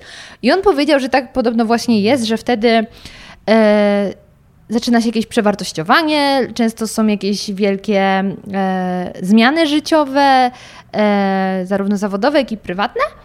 Mm, I to właśnie tak jest. Ja mówię, ale słuchaj, to nie jest trochę tak, że pomyliło ci się z tym, że w wieku 27 lat wiele gwiazd popełniło samobójstwo i to jest ten wiek i tak dalej. Mówi, to Znaczy nie właśnie zawsze samobójstwo.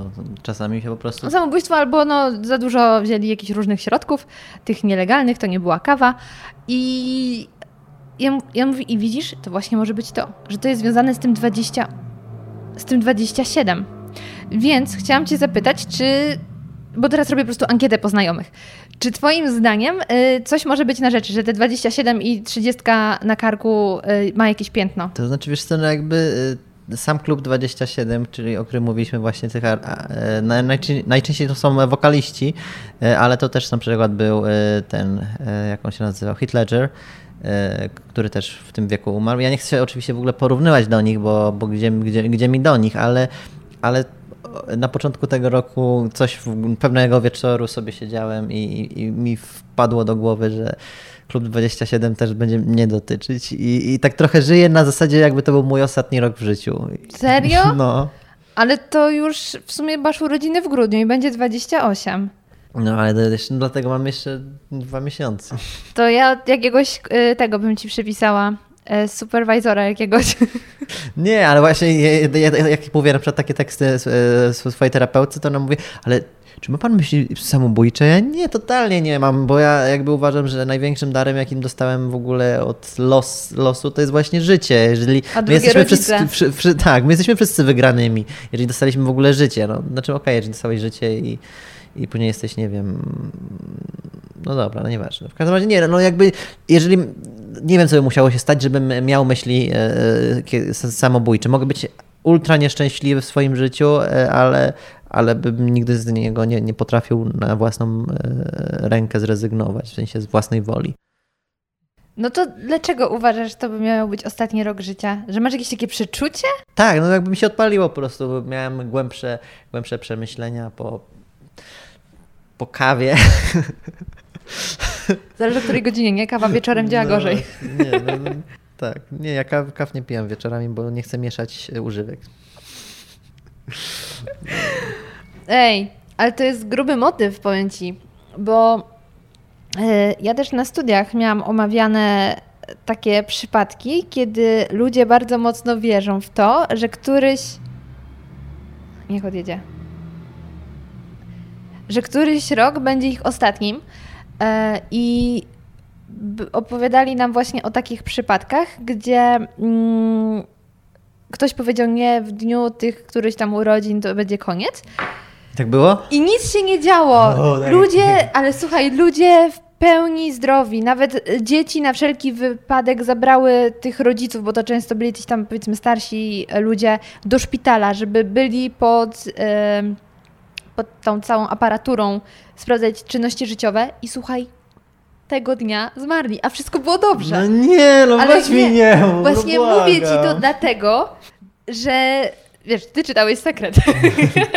nie, tak na, tak na serio, że nie ma takiej rzeczy, co wierzyć, bo e, mózg ludzki ma bardzo mocny jakiś tam. Dobra, przepraszam, co, cofam to. Panie, cofam to. Nie, no to jeśli masz takie podejście, to mnie uspokoiłeś. Ale czyli e, reasumując, czy wiek 27 lat jest w jakiś sposób przełomowy i wizja 30 e, Czy to znaczy, ciężko mi powiedzieć, czy to jest kwestia faktycznie tego wieku, e, bo ja, ja nigdy nie, nie, nie przywiązywałem jakiejś większej wagi do kwestii właśnie Wieku. wieku, czy w ogóle jakichś tam statystycznych różnych rzeczy, ale coś jest na rzeczy, bo jakby m- ten mój rok jest może nie tyle przełomowy dla mnie, ale no jest w nim sporo zmian w życiu prywatnym, e, też w życiu gdzieś tam zawodowym, też w moim podejściu w ogóle moim do myśleniu, do, do, do właśnie do, do twórczości i, i myślę, że tak, ale nie wiem, czy to ma kwestia, jest kwestia tego, tego wieku. No ale na przykład nie, nie, nie mam tego jakiegoś, nie wiem, kryzysu wieku średniego, czy tam męskości, czy, czy, czy jakkolwiek. za młody jesteś. Tak, no więc, ale, ale, ale czu- czuję trochę, w sensie zaczynam się łapać na, e, na, na tym, że ja nie będę wiecznie młody i że ja zawsze myślałem, że kurczę, tak, ale mam wrażenie w ogóle, że to, całe życie, że na przykład moja, moja babcia e, miała też tak, że, że wiesz, ona ma już ponad 80 lat i, a mam wrażenie, że ona jeszcze myśli, że całe życie przed, przed nią, nie? Bo lu- ludzie nie mogą sobie zdać sprawy z tego upływu czasu, że jednak to jest taki cykl zamknięty, że my kiedyś umrzemy, bo jak jesteśmy tak młodzi, to, to mamy niby całe życie przed sobą i to jest tak abstrakcyjna e, timing, że że, że myśli, że nie ma co w ogóle się tym przejmować, ale niestety kiedyś nas nie będzie. Jezu, jakie poważne tematy. No widzisz, to jest właśnie mój podcast. Ja Nigdy nie wiesz, w jaką stronę pójdzie. Nagrywamy w Halloween, więc może dlatego. To prawda, no. Ale e, dobra, to ja teraz, jeśli mogę, to tak y, zaapeluję krótko do widzów, bo ja naprawdę chciałabym taką ankietę zrobić. Y, więc jeśli ktoś ma jakieś. Jeśli ktoś ma odniesienie- 27 lat i już nie żyje, to proszę dać znać. Jeśli ktoś ma 27 albo miał y, w tym czasie, właśnie w tym wieku jakiś kryzys, to proszę mi odpowiedzieć, bo właśnie z kolegą zaczęłam robić taki krótki wywiad środowiskowy. Ale mój kryzys mm, ewoluował i on, on był dużo wcześniej się zaczął. Miałem w zeszłym roku, e, przed, przed tym, przed właśnie e, świątecznym filmem dla Coca-Coli, który jest zawsze takim mocno dla mnie kryzysowym momentem, bo to jest taki gdzieś flagowy projekt, e, się zrobił przez o- ostatnich lat i, teraz się zrobił taki na zasadzie kultowy jak Kevin sam w domu na święta, że Martin zrobi coś z Coca-Colą na święta. I, I miałem w zeszłym roku, nie miałem pomysłu właśnie na, ten- na, na, na, na pomysł i, i, i stwierdziłem, że to już mnie wykańcza, że ja muszę zrezygnować z tego i I już jak byłem, gdzieś tam się pogodziłem z tym, że jednak rezygnuję z, z, z, z YouTube'a i nie będę tworzyć, to pomyślałem, no dobra, to co, to co ja będę robić w życiu? I, I się okazało, że ja nie mogę z tego zrezygnować, że już za głęboko w to wszedłem, że, że po prostu czasami tak trzeba żyć i jakby cierpieć, bo znaczy, no to też nie jest cierpienie, ale sam moment wykreowania pomysłu ca całego, zanim on powstanie, w sensie ta, ta złota myśl, która wejdzie ci w głowę, jest tragiczny, gdy przez te tygodnie chodzisz, często wygląda jakbyś nic nie robił.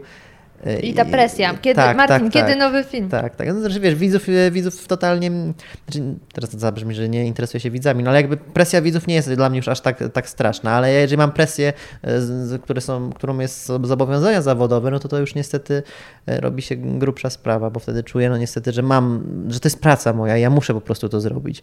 Ale do tego stopnia ja często sobie z tym nie radzę, że ja myślę o, nie wiem, płaceniu kar umownych, że ja się zobowiązuję na coś i ja mówię, nie, ja nie dam rady, to, to, to, to, to mnie przerasta. I patrzę w umowę, ile tam muszę zapłacić. A, Okej, dobra, 12 tysięcy. Hmm, no dobra, no czy czy 12 tysięcy i tak myślę, ale to nie jest dla mnie problem, żeby zapłacić te pieniądze. Znaczy nie, nigdy się tak nie zdarzyło na szczęście. Ale tak, tak miałem właśnie z, z, z kolą, z czarnym lusterkiem, z Ikeą i widzisz, później wychodzą fajne projekty. I, bo ja muszę też trochę działać pod presją jakąś tam, żeby gdzieś mnie to motywowało. Jak za czasów studenckich, nie? Sesja i nagle można się wszystkiego w jedną noc nauczyć. Ja nie potrafiłem, chociaż nie, do, dobrze mi wszło na, na studiach. Ale nie w jedną noc. Ja jednak na ściągach jechałem sporo.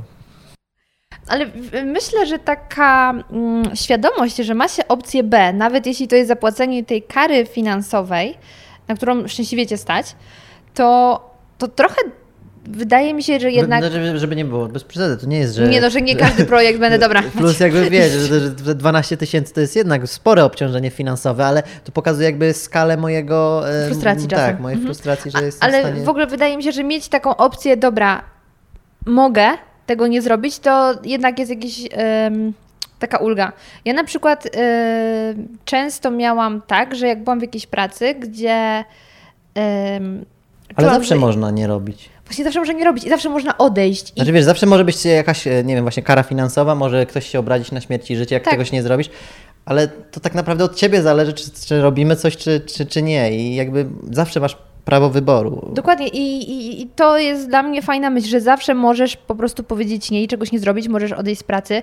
Oczywiście będziesz musiał znaleźć nową i jakoś się e, utrzymać, ale możesz. Mhm. I dla mnie to jest duży komfort y, fizyczny, psychiczny, wiedzieć, że można zrobić coś inaczej. Mhm. A czy wiesz, ja, ja też trochę mówię z, z, z innej perspektywy, bo yy, i to też znowu zabrzmi, jakbym był nie wiadomo jakim milionerem, ale ja nie mam problemu z pieniędzmi, w sensie z płynnością jakąś finansową i znaczy mam problem z pieniędzmi, ale w drugą stronę. Ja nie wiem, co z pieniędzmi zrobić, bo jakby y, ja tylko się skupiam na swojej twórczości i, i pieniądze, jakby ku- kupowanie rzeczy nie, nie daje mi żadnego szczęścia. Więc ostatnio, to też chyba na jakimś live mówiłem, że ostatnio pomyślałem, że skoro mam jakieś tam pieniądze i mogę gdzieś tam y, je wydać, Ulokować. to, to może warto zrobić to, co, co, co mnie naprawdę kręci, czyli w, w moje filmy i, i na przykład właśnie zatrudnić jakiegoś profesjonalnego aktora i wykosztować się przy jednym projekcie, ale, ale jednak później czuć satysfakcję, że X aktor y, zagrał u mnie i to jest super, nie? Może to taki już noworoczny plan? 2019. Hmm. Na ten rok już mam- Ostatnie naście, tak. które na pewno będziemy żyć, No. bo później już nie będzie naście. No, też słyszałem wczoraj, że jest globalne ocieplenie i że w ogóle niedługo będzie koniec świata. Wiesz co, ja od urodzenia sobie tak myślałam, wiesz, tam przy szkole i te sprawy, ja myślałam, nie, za mojego życia na pewno będzie trzecia wojna światowa. Także zakładam, że tak. Coś trzecia wojna światowa na wydarzy. szczęście lub nieszczęście będzie cyfrowa w dużej mierze nie? i, i nie, nie, nie, nie odczujemy aż tak bardzo jak podczas drugiej wojny czy pierwszej. Znaczy, myślę, że druga była najbardziej taką Hardkorowa. tak, tak, taki krwista. I No, myślę, że tutaj w dużej mierze się, znaczy pewne prędzej czy później dojdzie też do jakichś tam e, militarnych wtedy zetknięć, ale, ale jakby n- dużo się rozegra jednak na, w świecie cyfrowym. Y, Teraz może trochę pójdę hardcorem, ale mm, myślę, że nawet jeśli to będzie w świecie cyfrowym, to wiele ludzi to mocno zniszczy, bo jednak jesteśmy uzależnieni od y, świata cyfrowego i nawet jeśli nie mówię o oglądaniu filmów na YouTubie, to jednak większość rzeczy załatwiamy już przez internet i nasze życie w dużej mierze toczy się w internecie, więc to i tak totalnie zniszczy części ludzi y, życie.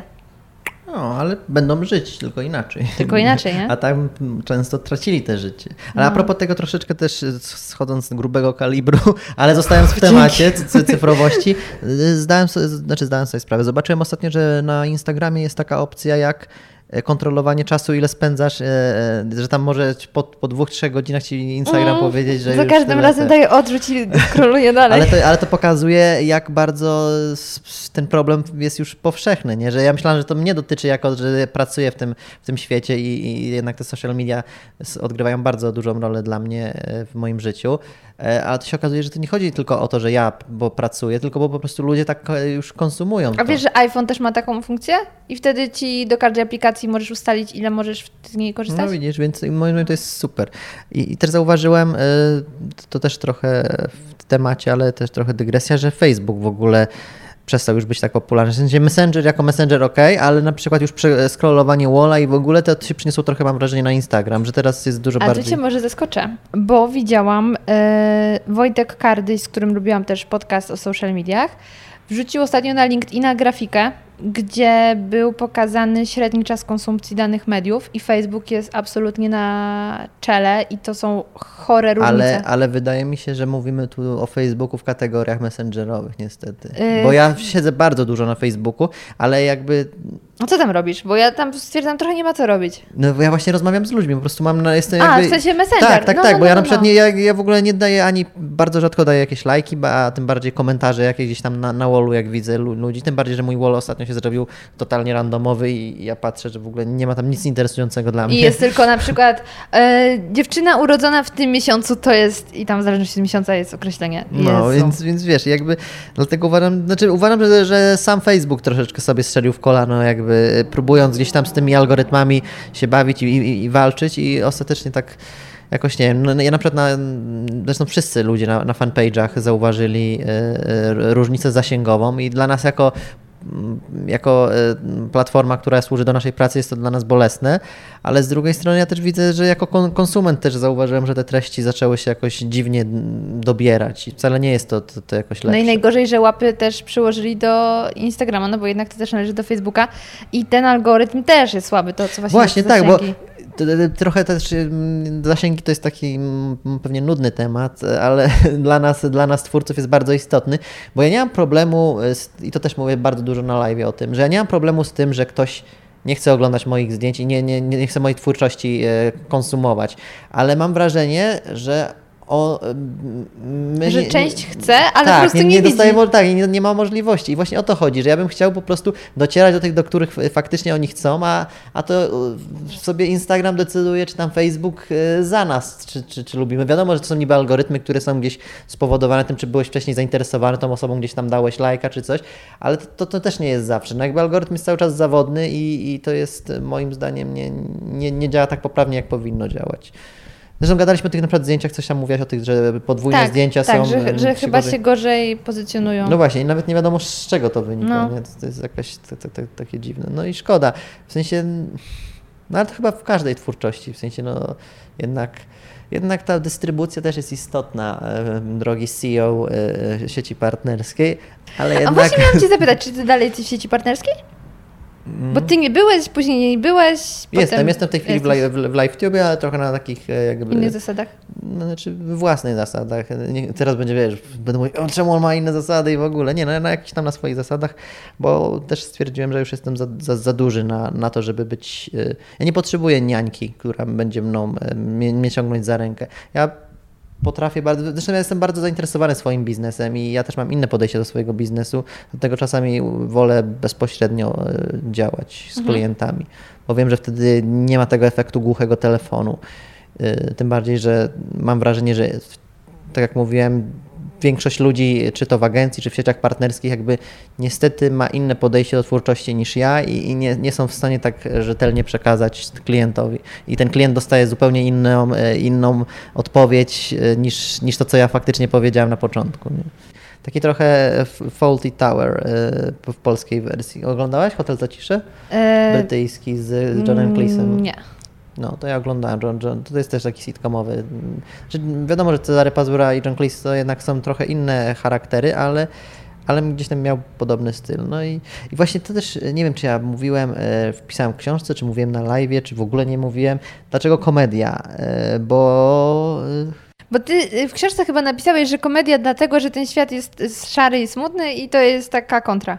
To, Tak, coś kojarzę. To, to chyba nie. No, mo, może tak myślałem, ale bardziej, bardziej dla mnie komedia jest, e, wiesz czemu ważna? Znaczy ważna, czemu lubię robić komedię, bo wtedy, tak jak oglądasz dramat, czy tam jakiś, nie wiem, e, jakkolwiek inny gatunkowy film, to ty się zastanawiasz, w jaki sposób w jaki e, sposób możesz ocenić po reakcji, e, czy, czy, czy to się spodobało?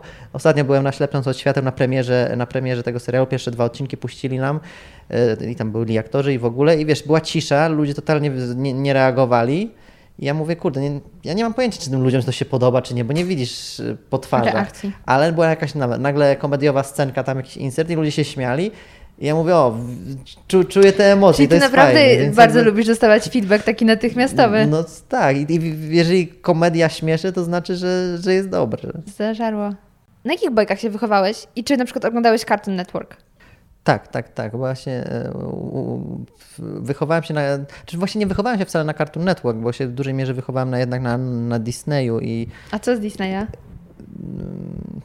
Wszystko. W sensie jakby ja, ja nie jestem z tej epoki takiej e, Królewna Śnieżka, e, czy tam, nie wiem, Piękna i Bestia, bo to są jednak e, takie starsze klasyki, a jednak bardziej ten Disney chyba już taki Pixarowski, e, bo, bo to wtedy 94 pierwsze Toy Story powstało i jakby też moja świadomość chyba zaczęła jednak bardziej funkcjonować. Ja tamtych czasów wcześniejszych nie pamiętam i myślę, że, że te, te, te, te, te, te, te filmy, ale Cartoon Network też jako te, taka telewizja, telewizja, jako kreskówka telewizyjna. Bardzo lubiłem właśnie to, że one były takie, A to były... starały się być trochę niegrzeczne. Teraz by nie przeszły. Myślę, że teraz jakby tak powstało, wydaje. to by nie weszło do Ale w ogóle dużo rzeczy, w sensie na przykład y, była przecież ostatnio afera z przyjaciółmi, że, że jak na Netflix trafiły, że, że to się zaczęło... No bo są mega seksistowskie, ale takie były czasy, nikt na to nie zwracał uwagi. No nie wiem, ja nadal bym takie coś mógł stworzyć i nie, nie mam z tym problemu. No oczywiście, tylko jest właśnie kwestia, że ta... Znaczy mam jeden teraz właśnie, mam jeden zmieniły. projekt, który robię z, z, gdzieś tam jest na poziomie właśnie developmentu z jednym takim większym producentem zewnętrznym, mm, jakaś tutaj platforma i, i gdzieś stworzyliśmy scenariusz pilota i i padło hasło, że, że jest mocno seksistowski, a ja nie chciałem pokazać totalnie tej, tej bohaterki w ten sposób. Do tego stopnia, że zaangażowałem e, też innych twórców, e, kobiety, żeby mieć taki ogląd. I, I coś, coś chyba jeszcze nie zażarło i będziemy nad tym pracować, żeby jednak nie, nie było takiego feelingu. Bo ja bym chciał pokazać. Z... Dobrze, nie będę akurat tego spoilerować projektu, więc. z- Już jeden tak, zaspoilerowałeś. Tak, tak, tak. Już mają co ci kraść. Także bardzo Ci dziękuję i na koniec tylko zapytam, y, robisz podcast czy nie W robisz? kinie nie, nie ma ciąg dalszy nastąpi. Raczej w, Dobry w są- filmach, nie czepię się, no czasem tak jest. Nie, continue. na dobrych filmach nie ma. W w dobrych nie ma, serialach, czy ja w powiedziałam, że serialach. oglądam dobre filmy? Ale w Nie. serialach, w serialach jest Oj, w Gęsiej. Skórce, nie wiem czy oglądałeś Gęsią Skórkę? Okej. No dobra, to był serial. No, No ale- właśnie, no to z czym do ludzi? Ja nie umiem konsumować seriali totalnie. Tylko ja antologie. też nie, ale to jako dziecko oglądałam, bo to był taki horror dla dzieci. Nie, kojarzę, kojarzę jakby. Ta, to. najgorszy był odcinek, jak marionetki ożyły. Cholera, ja obejrzałam y, ten odcinek rok temu. Ze znajomymi na domówce włączyliśmy i wszyscy siedzieli zestrachani totalnie, że ta lalka ożyła. Nie byliśmy jakoś super pod wpływem alkoholu. Po prostu ten odcinek jest naprawdę straszny. Pod wpływem innych. To tylko ty. Nie, bo później będzie, że ja coś robię. W ogóle, moi drodzy, Nie, no chciałem, była kawa, o chciałbym totalnie sprostować. e, Ja tylko stosuję legalne używki i psychotropy, no, No, które też są legalne, jeżeli masz receptę. oczywiście. Dobra, no to co? Zrobimy ciąg dalszy, nastąpi za jakiś czas, jak zrobimy update z twojego życia. Tak, myślę, że mm, jeżeli Czekaj, przeżyję, zapytałam, jeżeli przeżyję. zapytałam i odpowiedziałeś mi, czy zakładasz podcast? Y, Pomyślę, w sensie mam często coraz więcej potrzeby takiego powiedzenia i, i do, gdzieś do, do ludzi i jednocześnie to, co mi vlogi YouTube'owe nie pozwoliły, czyli jednak, żeby sobie troszeczkę dłużej porozmawiać i dłużej powiedzieć, bo niestety na YouTubie jest ten taki moment, że trzeba gonić i, i ja często miałem tak, że kurde, nagrałem ten, to, ten swój tekst i to trwa 10 minut, przecież nikt nie będzie chciał słuchać, Mhm. jak przez 10 minut mówię, a myślę, że na podcastach nie ma tego takiego, w Nie ma, podcastach w ogóle. Ma takiego, ten. Tym bardziej ja No, ale też mniej ludzi to wersje. ogląda i ja też wyświetleń, odsłuchań jest znacznie mniej niż na YouTubie, to jednak rośnie to w siłę i tutaj się muszę pochwalić, że niejako za moją, może nie nawet namową, ale e, pod moim wpływem już dwóch youtuberów podcasty założyło, Nie, także możesz być trzecim. Jednego nie wiem, czy mogę powiedzieć, bo powiedział mi to z tajemnicy, że no, się zainspirował, ale drugi to Rafał Gębura. Ma już swój format też w formie podcastu. Ale to jakby jest jedno do jednego skopiowane z... Tak. z no widzisz, no to ja bym też mógł w sumie, ale nie mógłbym. Bo No nie, bo ty masz filmy. Tak, ale, ale nie, ale to co na przykład właśnie robię na live'ach, tylko e, to co właśnie mi brakuje, e, to jest ten taki feedback, w sensie, to jak tu teraz sobie rozmawiamy i odbijamy piłeczkę, tak mam wrażenie, że jakbym był siedział sam ze sobą, to Możesz bym mnie zaprosić. Nie wiedział. Będziemy sobie odbijać piłeczki. W każdym razie, więc jeśli założysz, to będę mogła wpisać jako mój kolejny sukces. E, także kibicuję. Dziękuję i kto wie. Kto wie.